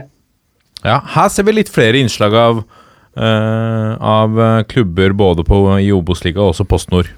Ja, du merker jo at dette på en måte er litt eh, et landslag som da ikke har øverste prioritet i det uttaket her heller. Men det gjør jo som du sier, altså Jakob Hanstad fra Lyn til Kjelsås vært litt inn og ut av laget der. Kantspiller som er spennende, eh, for så vidt. Fått litt sjanser. Magnus Knutsen igjen, sønnen av sin far. Jon Mm. Knutsen har jo landskamper og Ja. diverse. Har jo, var bra i Ullkisa på lån, og så henta tilbake til Lillestrøm nå fordi de trengte flere alternativer da mot en potensiell medaljehøst. Så litt innhopp for dem. Eh, Tobias Hafstad, også igjen sønn av sin far. Faren er jo nå er det utviklingsleder han er i eh, Vålerenga. Og har jo en veldig lang eh, karriere bak seg i eh, Tromsø. Så eh, Thomas Hasta da, som vi snakker om. Frank Stopple, spilt noen eliteseriekamper nå på utland i Stjørdalsblink, ser også ut som en spennende keeper. da, og så ja, Noen spennende navn er det her, men du, du mangler kanskje de der superspennende navnene som de som vi har snakka om på 2003- og 2004-årgangene for litt siden nå, da. ja. Her er jo på en måte dem som ikke nådde helt opp på det eh, U21-landslaget som er samla nå, eh, i stor grad. Og så har du jo fått noen forfall her fra spillere som vi kjenner, med fire, eh, tre eliteseriespillere, Aune Hegebø, Filip Jørgensen og Herman Gerbyen. Eh, og også da Mathias Kjølø, som er i PSV og har fått førstelagskamper der. Det er jo en, en uh, spennende spiller, det òg. ja for, har, dere noe god oversikt over han? Han er lenge siden vi har hørt uh, noe særlig Mathias Kjøle. Han jo blir litt sånn uh, Det var en jeg snakka om tidligere. Jo, Malt Arnstad snakka om eh, at eh, han fikk muligheten i en periode hvor, eh, hvor Anderlecht var litt, eh, var litt ramma og litt eh, tynt besatt. og Det samme var litt med Mathias Kjøle, at han fikk muligheten på et gunstig tidspunkt i, i PSV der. Eh, Men eh, at de har styrka seg gjennom både sommeren her nå De har jo Roger Schmidt som trener, som er en bra trener, som, hvor de vel har ambisjoner om å klatre opp i ryggen på Ajax igjen. Eh, og da har eh, Mathias Kjøle på en måte falt ned på, på eh, PSV sitt andre lag igjen, men de spiller jo på nivå to i, i Nederland. Så han har en veldig bra kamparena. Han har faktisk Ruud van Nistelrooy som hovedtrener. Det. Så, så det, han ligger bra an. Og så har vel heller Fredrik Oppegård, som vi kommer tilbake til senere. Det var han som har tatt uh, steget opp som et sånn andrevalg på venstrebacken i PSV, da, mens Kjøle har jo en litt uh, tøffere posisjon å spille seg inn på sentralt på midten der. Mm. Og Kjøle er jo litt sånn igjen sønn av sin far. Eh, faren Mark er jo, var vel med da Stabæk vant gull i 2008, ja, mener jeg. Og er jo nå fotballagent og har levert en god del spillere ut av landet. Så, så har vel selv om de ikke er like som spillertyper, så har de vel en litt sånn felles egenskap på det å liksom å gjøre ting riktig og oppfatte ting riktig. Altså Kjøle eh, senior var jo aldri den største eller sterkeste eller raskeste eller liksom sånn mest ruvende stopperen, men han var smart. Han kom veldig langt på liksom å være fotballsmart og fotball eh, tok han langt. Litt det samme inntrykket er det jeg har sett av sønnen. og at eh, Uh, han ruver ikke, men han er en fin brikke inn i et lag. Han uh, bidrar til at laget og de rundt uh, gjør det bedre, og er en du kan stole på. da. Så har vi også, de har også fått forfall fra Aune, Aune Heggebø, som jo har en gyllen mulighet nå til å gjøre spissplassen i Brann til sin, med, og, og, virker å ta vare på den muligheten, i hvert fall så langt. Ja, det er jo kanskje ikke så unaturlig at han eh, når han ser den muligheten i Brann, samtidig som at uh, det her G19-laget ikke har noe å kvalifisere seg for. For uh, både 2001 og 2000 og 2002 er spesielt blitt hardt ramma av den pandemien i form av at uh, deres mesterskap har blitt avlyst nå. Både G19-EM og to år på rad, og G20-VM har jo blitt uh, avlyst, dessverre. Så, så, da er det på en måte først på U21 det er noe å spille for akkurat nå i nå i høst. Men, um, men der, så der kan jeg forstå at Heggebø melder forfall når det er ei samling hvor de kun skal spille privatlandskamper. Men i samlinga her, vi kan ta de resultatene som har vært da, for de har jo møtt Frankrike to ganger. De har jo vært på jeg vet ikke om jeg skal prøve meg på den franske uttalen på Clairefontaine utafor Paris der, og spilt to treningskamper mot Frankrike, som har hatt med en del spillere som har gått skifta klubb for uh, høye summer. Uh, Kwasi Bayern bl.a. og Janis Antist, som har spilt sammen med Ruben Gabrielsen i Toulouse, har gått til Serie A i sommer. og Det er en del bra sperra sønnen til Zinedine Zidane med. og her tapp, De spilte 0-0 i første kamp, og så vant de faktisk 2-1 mot Frankrike i andre kampen. da. Lasse Nordås og Mathias Sundberg som, eh, som målskårer. Så de har møtt veldig tøff motstand og prestert veldig godt, selv om det er et landslag som, hvor vi var så er det litt sånn eh, at det er et litt nedprioritert nedprioritert det Eller de som ikke nådde helt opp da på U21. Ja. La oss hoppe til, til G20. og her har vi også en del Altså selvsagt flere og flere kjente, kjente navn. Thomas Rekdal, da han var Nå er det vel Hvor lenge er det siden han gikk fra Fredrikstad og herja på midtbanen der til er det to år siden? Tre år siden, kanskje? Jeg skulle også si to år, men det er ikke det, Årene går fort, vet du, Martin. det gjør det. Uh, er det noen som har noe koll på hvordan han gjør det i, uh, i, Tyskland? Nå spiller han Han er i Stuttgart, men har vel sin kamparena uh, på nivå fire? Ja, han har jo gått fra Mainz, da. Det er jo på en måte siden han forlot Norge. Men, ja. Men, ja, da, det jeg skulle si, at han har jo vært i Mainz, men han gikk til Stuttgart i sommer. Så det er litt spenning. Jeg tror det var du Jørgen, som skrev i sommer at han kunne være en som kunne være aktuell for norske klubber om det var i vinter. Um, så var det sånn spenning knytta til han ville, hva han ville gjøre i sommer. Men han uh, gikk altså til Stuttgart i løpet av sommeren og ble fast innslag på andrelaget der. De spiller jo på nivå fire, som for meg virker litt som, som et drøyt, stort steg ned fra første og andre Bundesliga. Så, um, men jeg, må, jeg har ikke full koll på nivået i tysk regionalliga.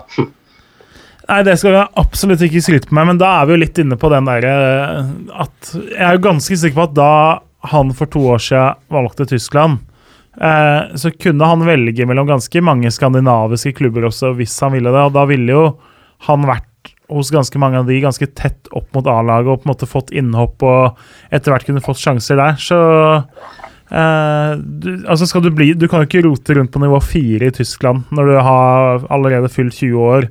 Da, hvis han ikke er i nærheten av A-laget der, så må han jo tenke på å ta steget videre. Men om det er på en måte nedtur for han å komme hjem, jeg vet ikke. Det, uh, han er jo i en alder hvor det hjelper ikke at du har vært et talent og at du er lovende og at du har alt sånt. Du må på en måte vise til noe på seniornivå etter hvert nå hvis du ikke skal bli eh, bortglemt. Så jeg som sagt har ikke sett et sekund av hva han har gjort i Stuttgart, og vet egentlig ikke hvordan det går, men håper jo at hvis han ikke nærmer seg A-laget der i løpet av i hvert fall sesongen, eller seinest i løpet av neste år, da, at uh, kanskje han eh, kan gå videre. For han var jo veldig spennende mens han var i Norge, og var jo en spiller som mange var interessert i, tross alt.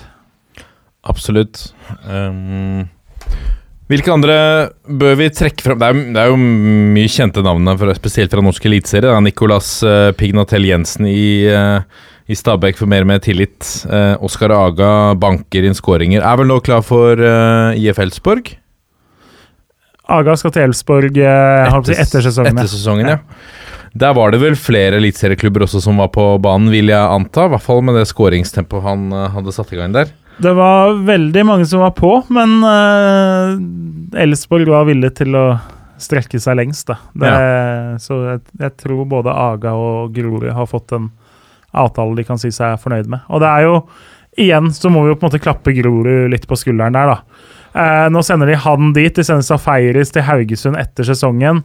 De har jo da, ikke sant Du, hadde, du har ganske mange som har blitt gode i Elias Hagen har gått til, til Bodø-Glimt. De har sendt Oliver Edvardsen og nå Martin Høiland til Stabæk. Leo Korinic en sesong etter at han kom fra Vålerenga, så sendte jeg han til Djurgården. Eh, det Grorud har evna å gjøre, og utviklinga de har hatt med en del talenter de siste sesongene, har jo vært helt fantastisk. Hva tror du det har å si når du hører disse overgangene og disse navnene, Johan, eh, på dette blir et veldig retorisk og ledende spørsmål. På, på muligheten for å tiltrekke seg unge talenter, da, når du kan skilte med den rekken med spillere, og hvor de har gått? Uh...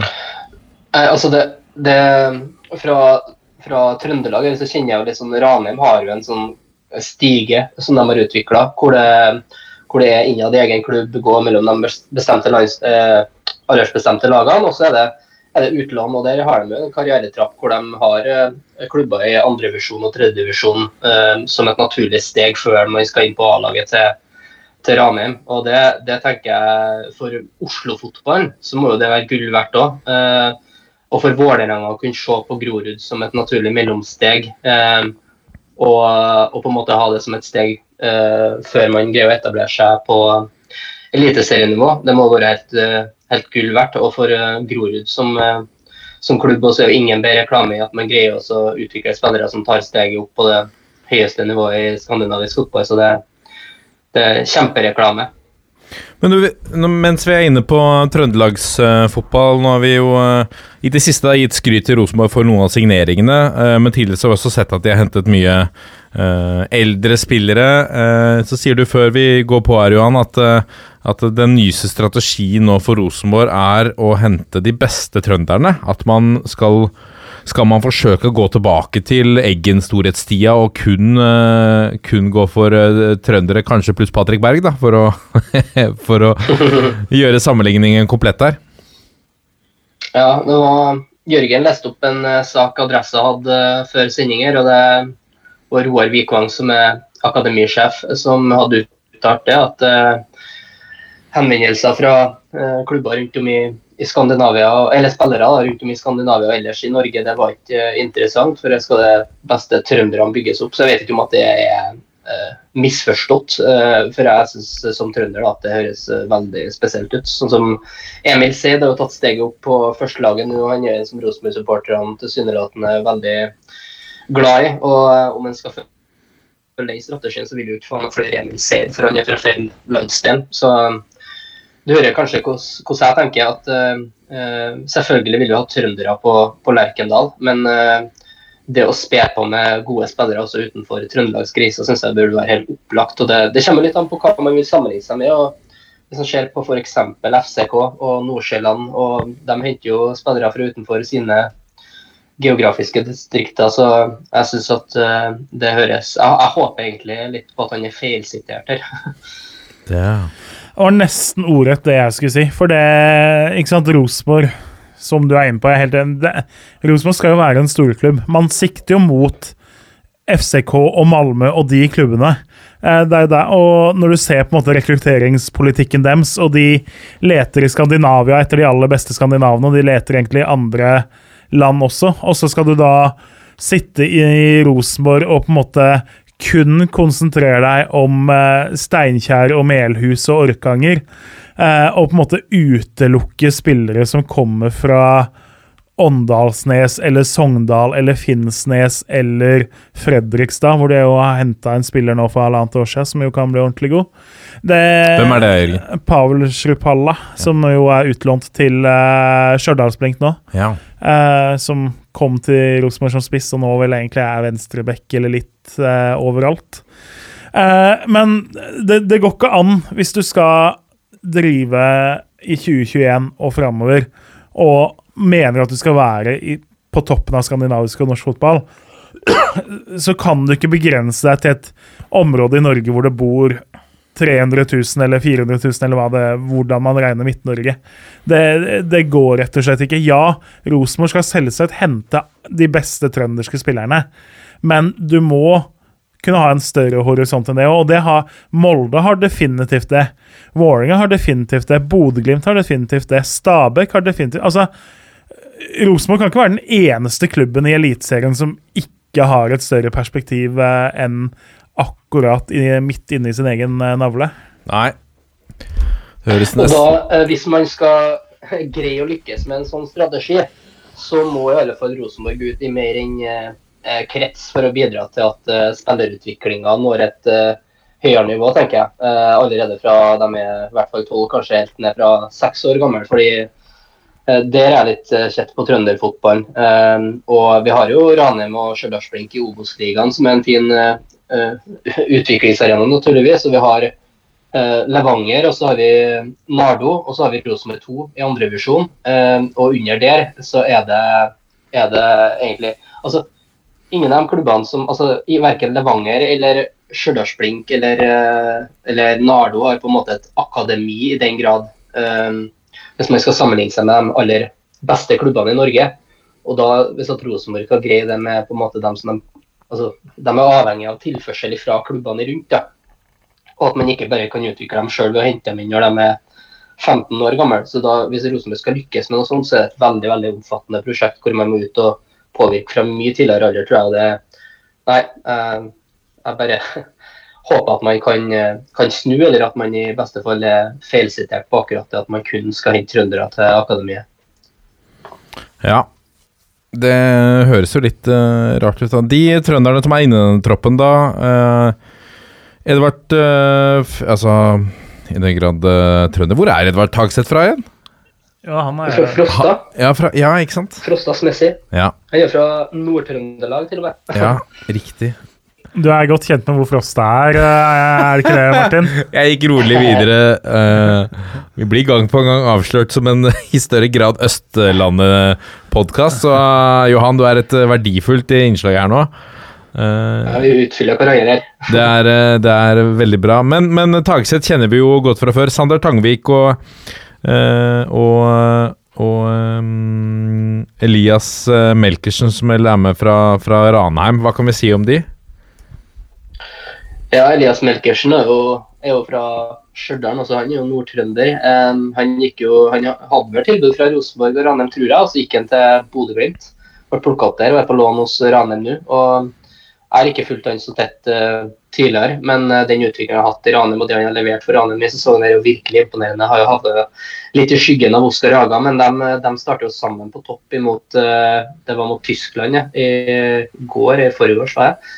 Um, så han har jo levert en del mål i, i Obos-ligaen i sesongen her og ser ut til å være veldig god utvikling. Så det blir spennende å se uh, hva Bodø-Glimt får ut av han etter hvert. Ellers så Sander Tandvik er jo en trondhjemmer som spiller fast for Rosenborg 2 i andrevisjon og har eh, dessverre sluppet inn eh, masse mål der. Men uh, jeg så den privatlandskampen mot Tyskland og syns egentlig Sander Tandvik var en av de mest positive norske spillerne i den kampen. Så, så vi får eh, se om han greier å ta steg og utvikle seg til å bli Rosenborg-keeper i framtida.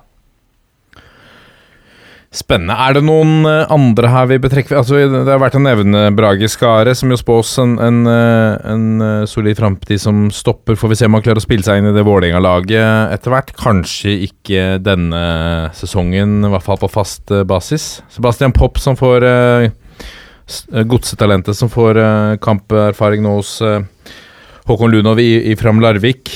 Uh, Sulla Ottesen, som vi jo kjenner fra, fra Eliteserien og Stabæk. Um, Det var en vi har eh, vi, vi har jo vært litt inn på dem her som kan velge litt ulike eh, Som har flere nasjonaliteter, eller muligheten til å spille for flere landslag. Og der har vi han eh, Telo Aasgaard. Um, han er jo vokst opp i England, om jeg ikke husker feil. Jeg tror jeg vokste opp i Liverpool, og jeg tror jeg har vært inne i Liverpool-systemet også. Eh, men gått til Wiggen og spiller for dem i, i League One. Og um, Wiggen har jo vært en klubb i fullstendig krise, som har slitt økonomisk. Og det har vel kanskje vært en liten gave til, til vår gode venn her, som har eh, tatt vare på noen muligheter og skåra noen mål i League One. og eh, Han kan jo spille for engelske landslaget, naturligvis, men han har enten en mor eller en far som er norsk, og er derfor tatt ut på det her G20-landslaget. da. Og um, Det blir kult å se om han, eh, han kan greie å ta steg i lavere divisjon i England. Han, eh, han har i hvert fall ikke gått den klassiske norske akademiveien.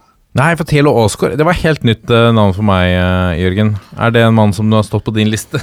Nei, men jeg har sett Han har jo skåra et par uh, skåringer der for Wiggen, så jeg, har på en måte fått med meg noen høydepunkter via Twitter og sånn, men det, jeg må innrømme at det, det, det stopper der.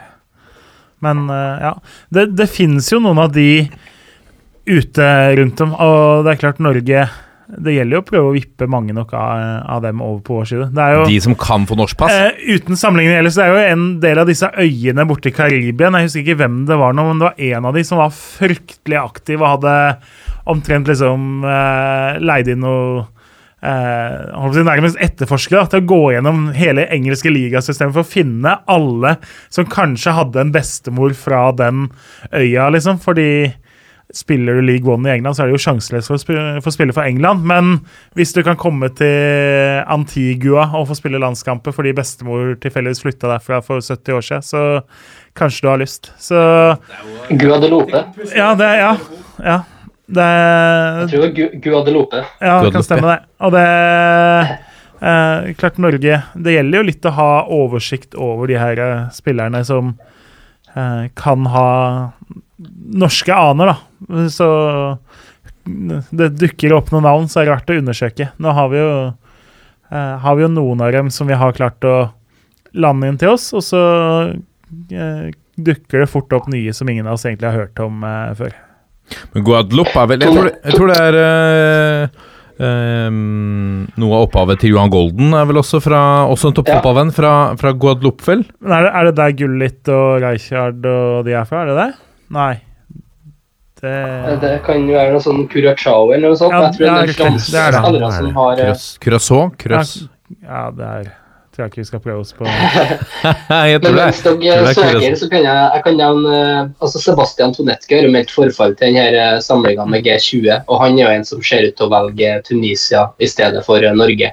Så um, han har gått til Groningen nå, og det blir spennende å se han videre. Men det er jo en som kan finne på å velge, velge bort Norge, sånn som det ser ut da. Har han oppgitt noen grunn for det, da? Eller er det liksom Dette er jo tror, følelser, selvfølgelig, og hva man føler for. Jeg lurer på om han har blitt tatt ut på A-landslaget til eh, Tunisia. Ja. Det kan jo godt til at noen arresterer meg, men jeg tror han ble det. Altså, ikke sikkert han har fått debuten siden han, allerede, siden han er tatt ut for det norske U20-landslaget. Men eh, det virka som at han var trigga av, eh, av det tilbudet. i hvert fall. Det kan vi jo forstå. Ehm, skal vi gå uh, Er det noen flere vi bør eh, snakke om her, da, før vi Før vi går videre? Nei, er det Jeg egentlig tror vi det? tar eh, 21. 21?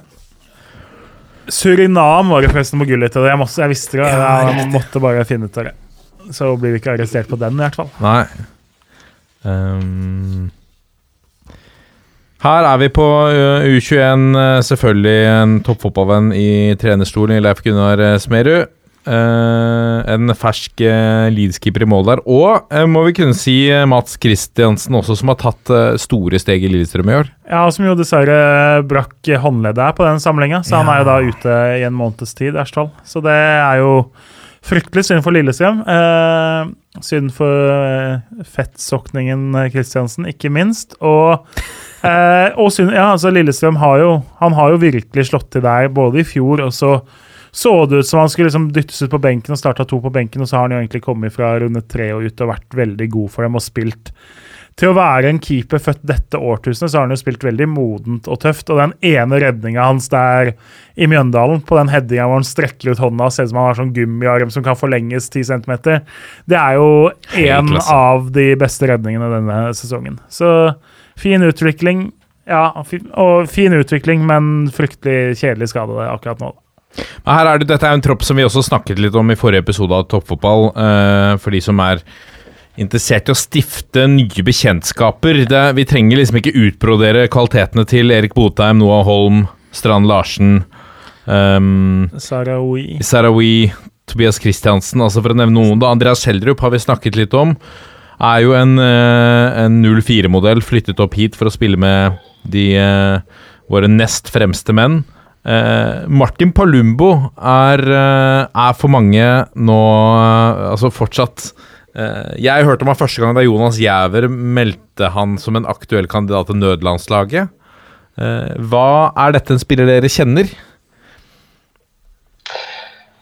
Eh, altså, jeg ble litt opptatt her uh, fordi altså U21 spiller akkurat nå mens vi spiller inn. Det er ikke så interessant å oppdatere på det. Men Palumbo ble bytta inn til pause sammen med, med Sheldrup, og da ble det plutselig litt spennende her. fordi jeg har ikke fått sett så mye av Palumbo tidligere. Det jeg har sett, av er stort sett at han sitter på benken i bakgrunnen bak treneren til Udinese.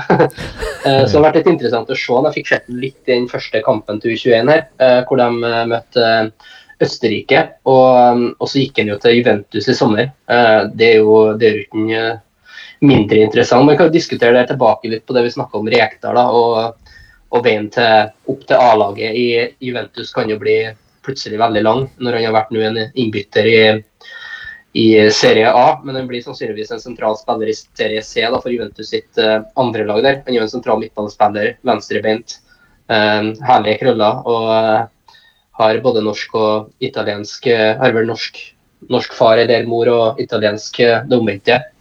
veldig kult at han er inne på det her landslaget, og at vi på en måte holder han litt varm der, da. For det det er en spiller når han er, i, når han er debutert i serien allerede som 18-åring eh, og, og nå er inne, blir henta av Juventus, så er det klart at det er en veldig spennende spiller med norske øyne. Kanskje en bra mann å, å, google litt og lese seg litt opp på for de som ikke har uh, inkludert undertegnede, som ikke har sett noe særlig til han. Um, Fredrik Oppegård, som, som har sin kamparena i, uh, i, på nivå to, men er uh, kontraktsfestet til PSV. Hva vil å si om han, Jørgen? Han hadde jo gjort en veldig god jobb på, fordi det var jo en spiller som Vålerenga visste at det var veldig spennende, men som jo har spilt veldig mye offensivt i banen tidligere. Og så kommer PSV og vil hente han og si at vi har tro på at du skal bli en fantastisk back eh, og venstreback, og på en måte har scouta inn han og funnet at han har egenskapene som gjør at de, med sin utvikling og på en måte sin erfaring med å forme spillere, kan gjøre om han til en venstreback av eh, høy klasse. Så det eh, Det er jo et veldig spennende valg å gå til, sant, PSV. Det er tross alt en god klubb som kan vise til en ganske fantastisk mengde spillere som de har produsert og utvikla og solgt videre av talenter. Så når han får trene med A-laget og vel så vidt har vært innom og spilt uh, der, så, så, er det en fin arena. Han er jo også da 2002-modell. Han er jo en av de yngre på dette landslaget i denne troppen. Han var jo med i troppen til PSV da de knuste Ajax i denne supercupfinalen og fikk løft uh, ei bøtte der. Så det er jo veldig kult at han får være med å få den typen erfaring med førstelaget til PSV. Så han, det er flere som har nevnt han som en mulig fremtidig landslagsback. Veldig spennende. Robin Dahl Østrøm i, eh, i Odense. Helt nytt navn for min del. Det er jo igjen en som eh, kunne ha valgt Danmark, og som fortsatt kan velge Danmark. Uh, han har vel sagt i motsetning til Noah Holm, som Noah Holm har jo vokst opp i Norge, bodd mesteparten av sitt liv i Norge, mens Robin Dahl Østrøm har bodd mesteparten av sitt liv i Danmark, og har vel vært åpen om at han velger Danmark hvis han, uh, han, får uh, muligheten til det. Men foreløpig er han med norske U21-landslaget og var med og vant mot Østerrike i den første kampen i EM-kvaliken her, som, eh, som, var et veldig sterkt resultat. Så han har jo spilt uh, en del på den motsatte backen av uh, Jørgen Skjelvik i Odense. Og så entrer jo Nico Mikkelsson nå, så ser det ut ja, som norske bekker er noe de er veldig, veldig glad i. ja, han har vel han har? Ja, du sa det. Norsk far. Og så moren er fra er Uganda. Noe sånt, tror jeg. Så han har Eh, også da en allsidig bakgrunn, og ser jo umiddelbart når man bare ser på han ut som han også kan bli en bra stopper, da, selv om han har eh, vel spilt med spekk, som du sier der. Ja. Så, så, ja, det er spennende. Han 2002-modell å spille for Odense en god del allerede. Da, da, har du et fint sted å være, definitivt.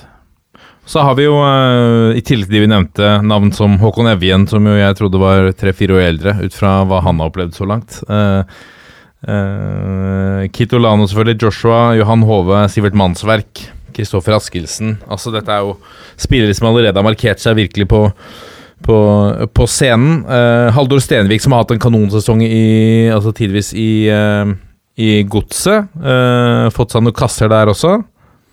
Sebastian Sebulonsen, som som via en, eh, et utlån til Mjøndalen der eh, Mjøndalen Rekordkort eh, utlån må det ha vært? Var han der en måned eller noe sånt? Ja, rakk vel tre kamper eller et eller annet sånt, tror jeg. Ja, rett tilbake til Viking. Jesper Daland til Serkele Brygge.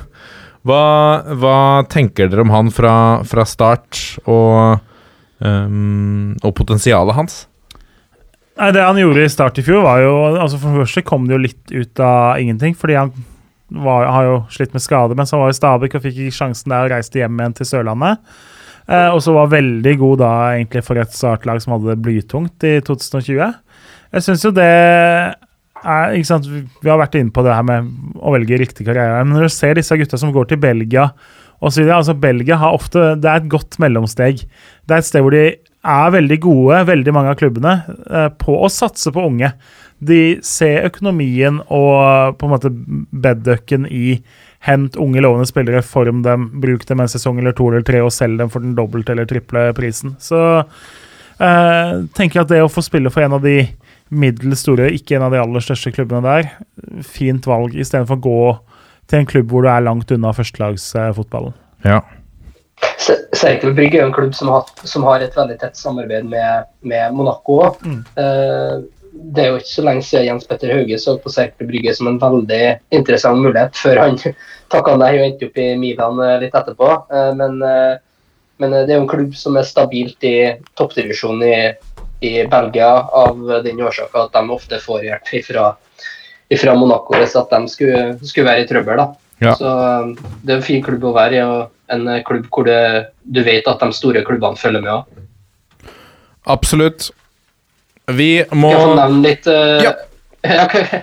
jeg kan nevne litt på Andreas Schjelderup, bare for å understreke hvilken uh, spiller det er snakk om. fordi Nordsjælland har nå i Jeg måtte sjekke litt gjennom fem vinduer på rad, så har de solgt for opp mot 100 millioner kroner uh, hver sommer. Og vært opp på 150 millioner i totale inntekter i løpet av et overgangsvindu.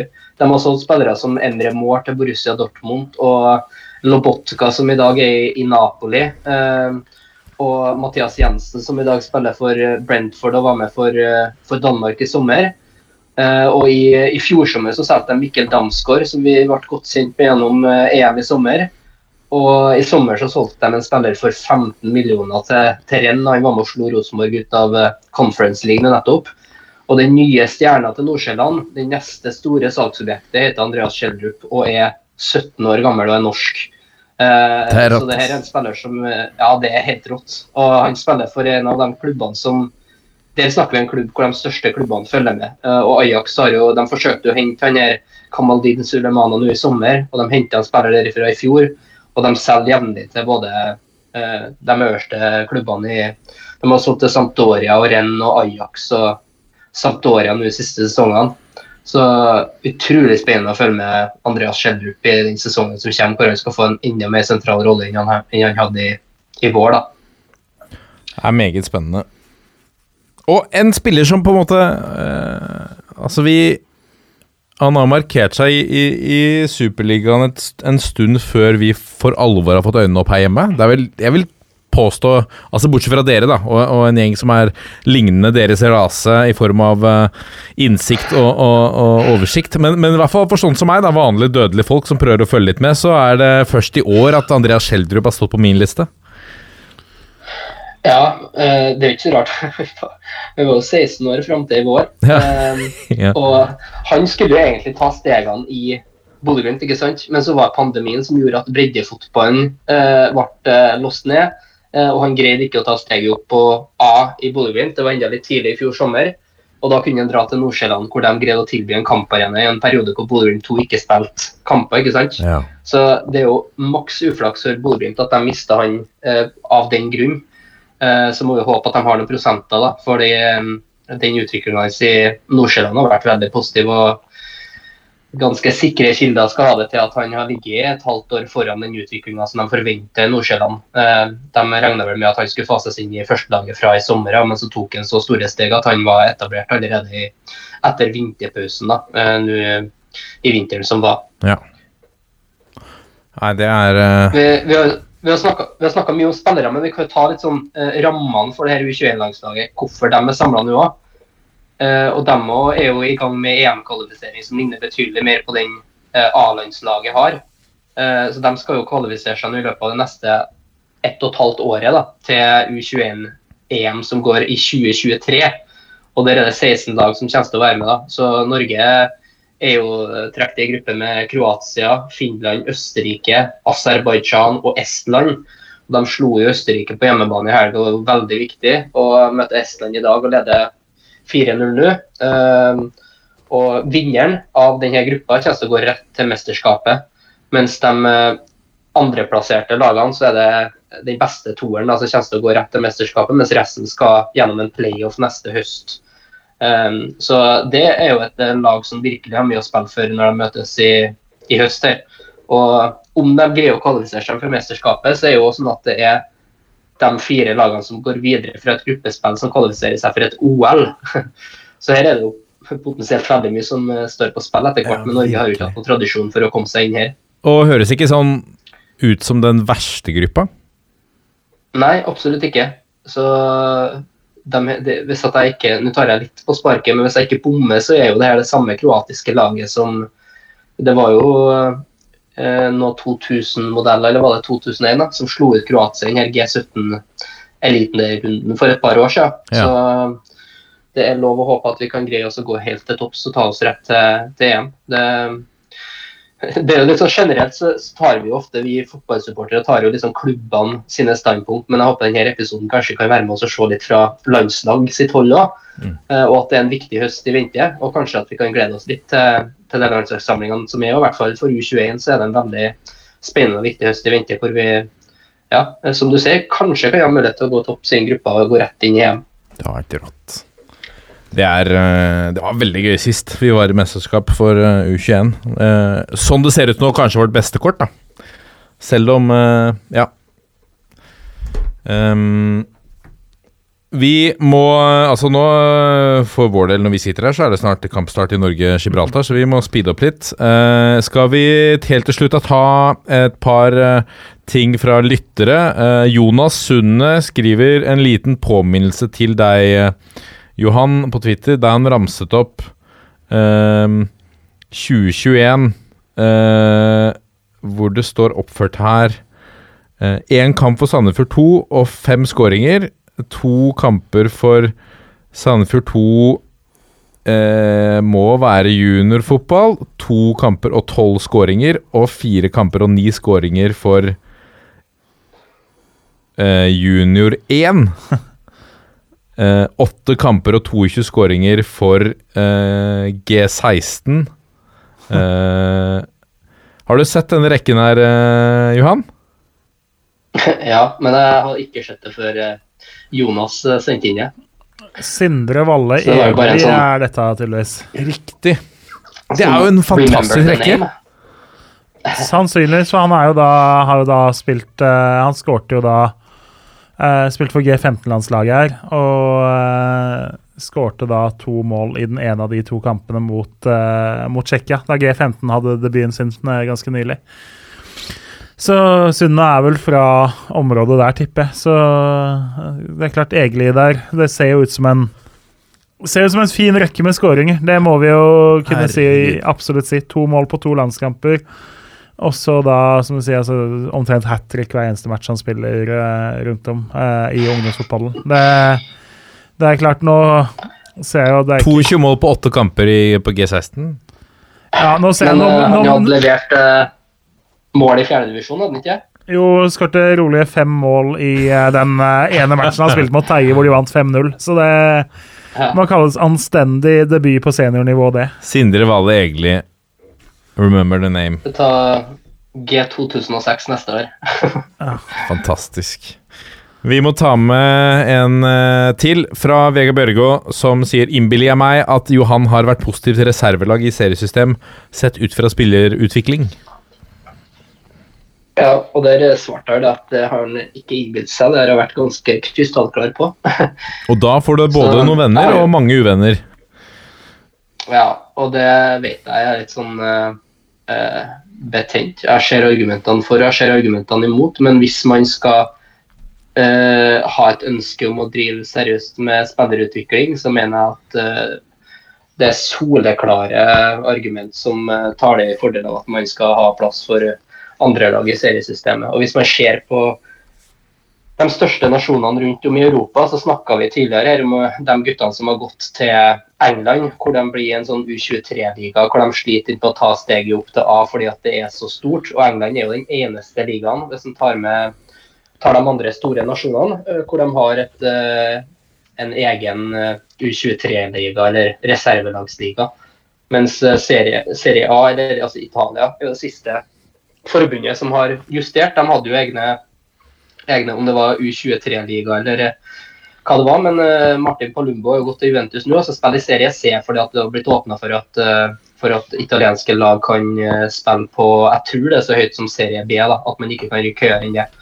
Så, og vi har Fredrik Oppegård og Mathias Kjølø som spiller for PSV2 uh, på andre nivå i, i Nederland. Og så snakka vi om i Tyskland så er de nede på nivå, nivå 4. I Portugal så er de og spiller i divisjonssystemet. I Spania spiller de eh, på nivå 3. Nei, de spiller faktisk til og med på nivå 2. Um, så hvis man sammenligner med de andre landene, så, så er det jo Der har de jo lagene Altså de største landene, nasjonene i, i Europa har reservelag i divisjonssystemet. Men må, jeg er helt enig i at det må være strenge reguleringer for å skape forutsigbarhet. At man ikke ender opp med å møte motstandere som er uh, altfor da. Jeg så Egersund møtte et litt tøffere Odd 2-lag i går enn det f.eks. Levanger møtte. Um, eh, og den uforutsigbarheten eh, eh, må man jobbe for å på en måte mi- minske så mye som mulig. Ja, for Vi har jo eksempler på at det er reservelagene som avgjør opprykk og nedrykk, annet, ved at det ene laget kan vinne 9-0 mot et lag som taper 9-0 i, i, i samme oppgjør. Eller mot Mm. samme motstander. Og her kan man jo legge inn reguleringer som sørger for at det blir en viss forutsigbarhet. Eh, Men, eh, men så er det jo bestandig sånn at eh, skader og fravær er en del av, av på en måte eh, fotballens natur. da. Og det er ikke sikkert at Vålerenga møter et like godt eh, Rosenborg-lag som det Bodø-Glimt gjør i, i løpet av høsten her heller.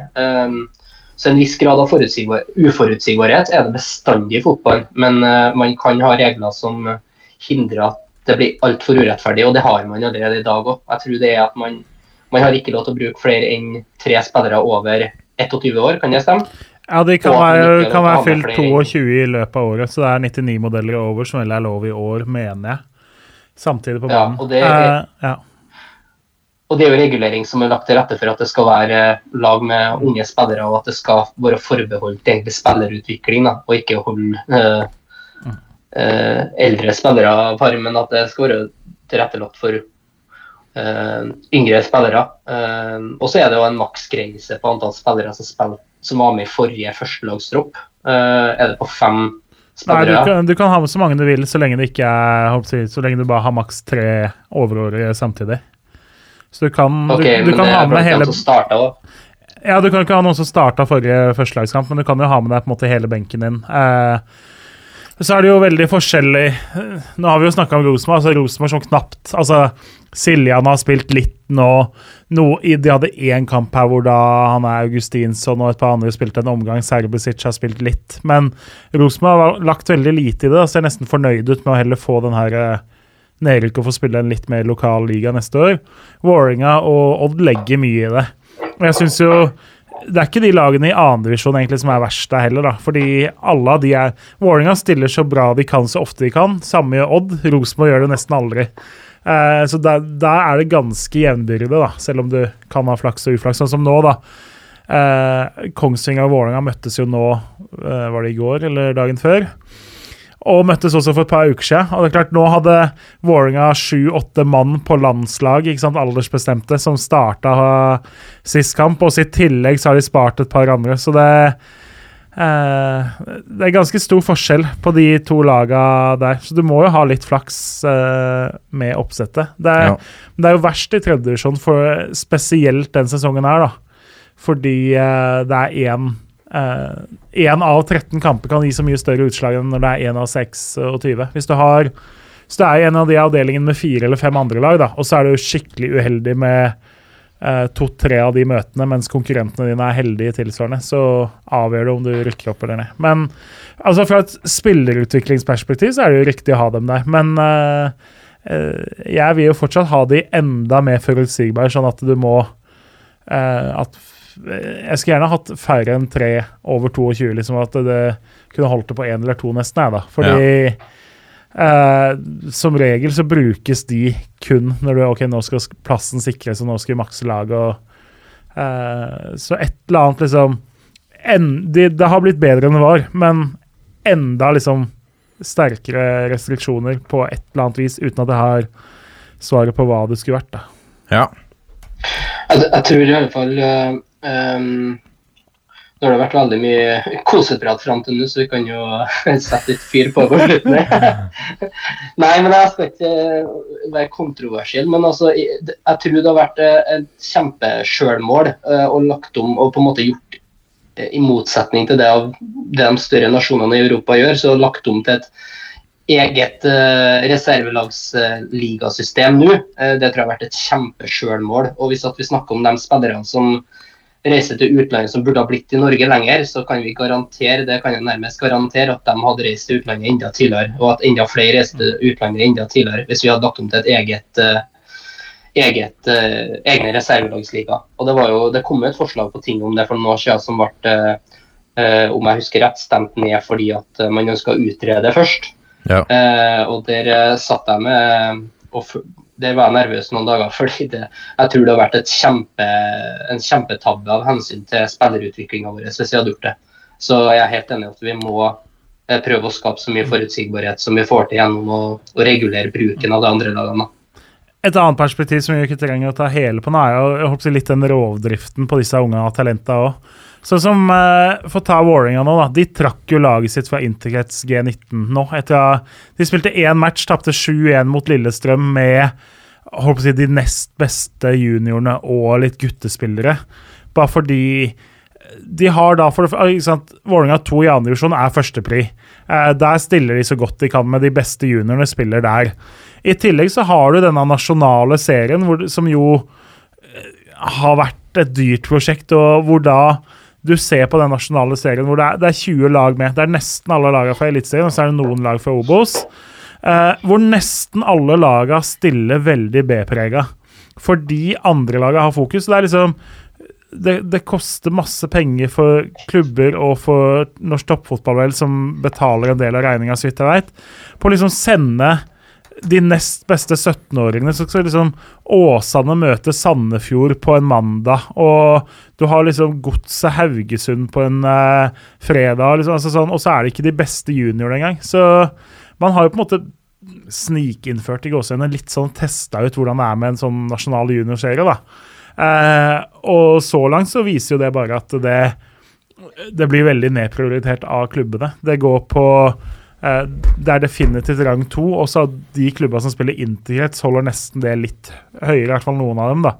Tydeligvis ikke Vålerenga, men uh, ja. Så du kan liksom ikke bare lesse på og ha alt mulig. Og så har de disse gutta går da på, som regel på sånne toppidrettslinjer, så de skal liksom Du skal ha trening med klubba dine, og du har trening på skolen, og du skal spille to-tre kamper i uka, og det, eh, det er fint med mye trening, men altså, det blir rovdrift på en del av disse gutta òg, som da må sjonglere mellom mange lag. Så, eh, så nei, jeg tror heller ikke det er løsninga, men det eh, Ja. Det, de har nå testa ut så vidt, og den, den nasjonale serien tror jeg de eh, Jeg ville hatt en grundig gjennomgang hvis jeg satt på pengesekken der og få på en måte så, sett resultatet av det. For sånn som nå For å ta en match her, altså Tromsø tapte 1-8 mot Kristiansund, og da ser du Kristiansund har fjerdedivisjon, så de sender de for så vidt stort sett de beste, da. Ikke de som er i A-lagsstallen, men ellers de beste juniorene sine.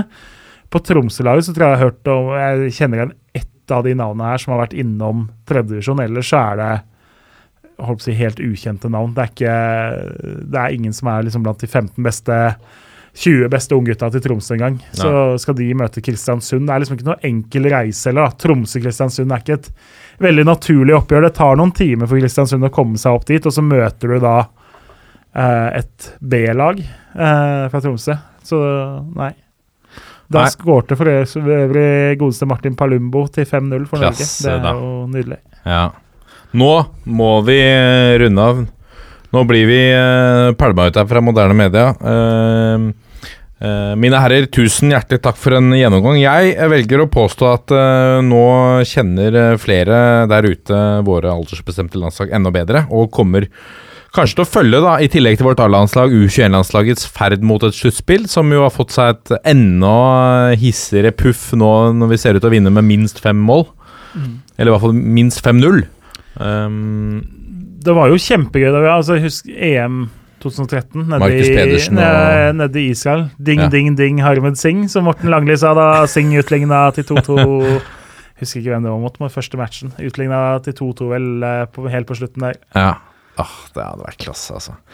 Eh, Johan eh, Sjøbakklund, det har vært en ære å ha deg med. Eh, det kan, du skal ikke se bort fra at dette, dette har vært såpass bra at du skal ikke se bort fra at det kommer en eh, invitasjon på et senere tidspunkt også.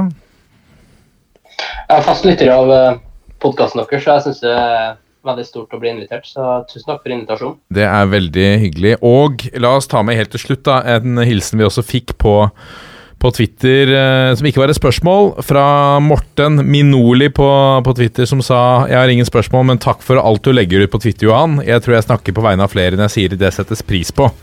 Eh, og for de som ikke eh, har fått med seg dette, gå inn på Twitter. Johan Lund. Eh, der eh, er det Det er et eh, massivt arbeid du legger ned, Johan, til glede for oss som følger med. Så fortsett med det. Så lenge jeg er si- singel og fri og frank, så får jeg holde på så lenge det er gøy. Ja, ja, ja.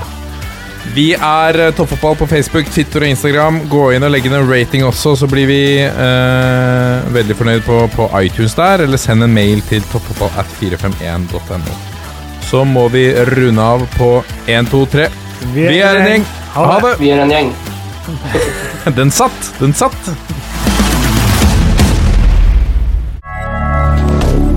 Moderne media.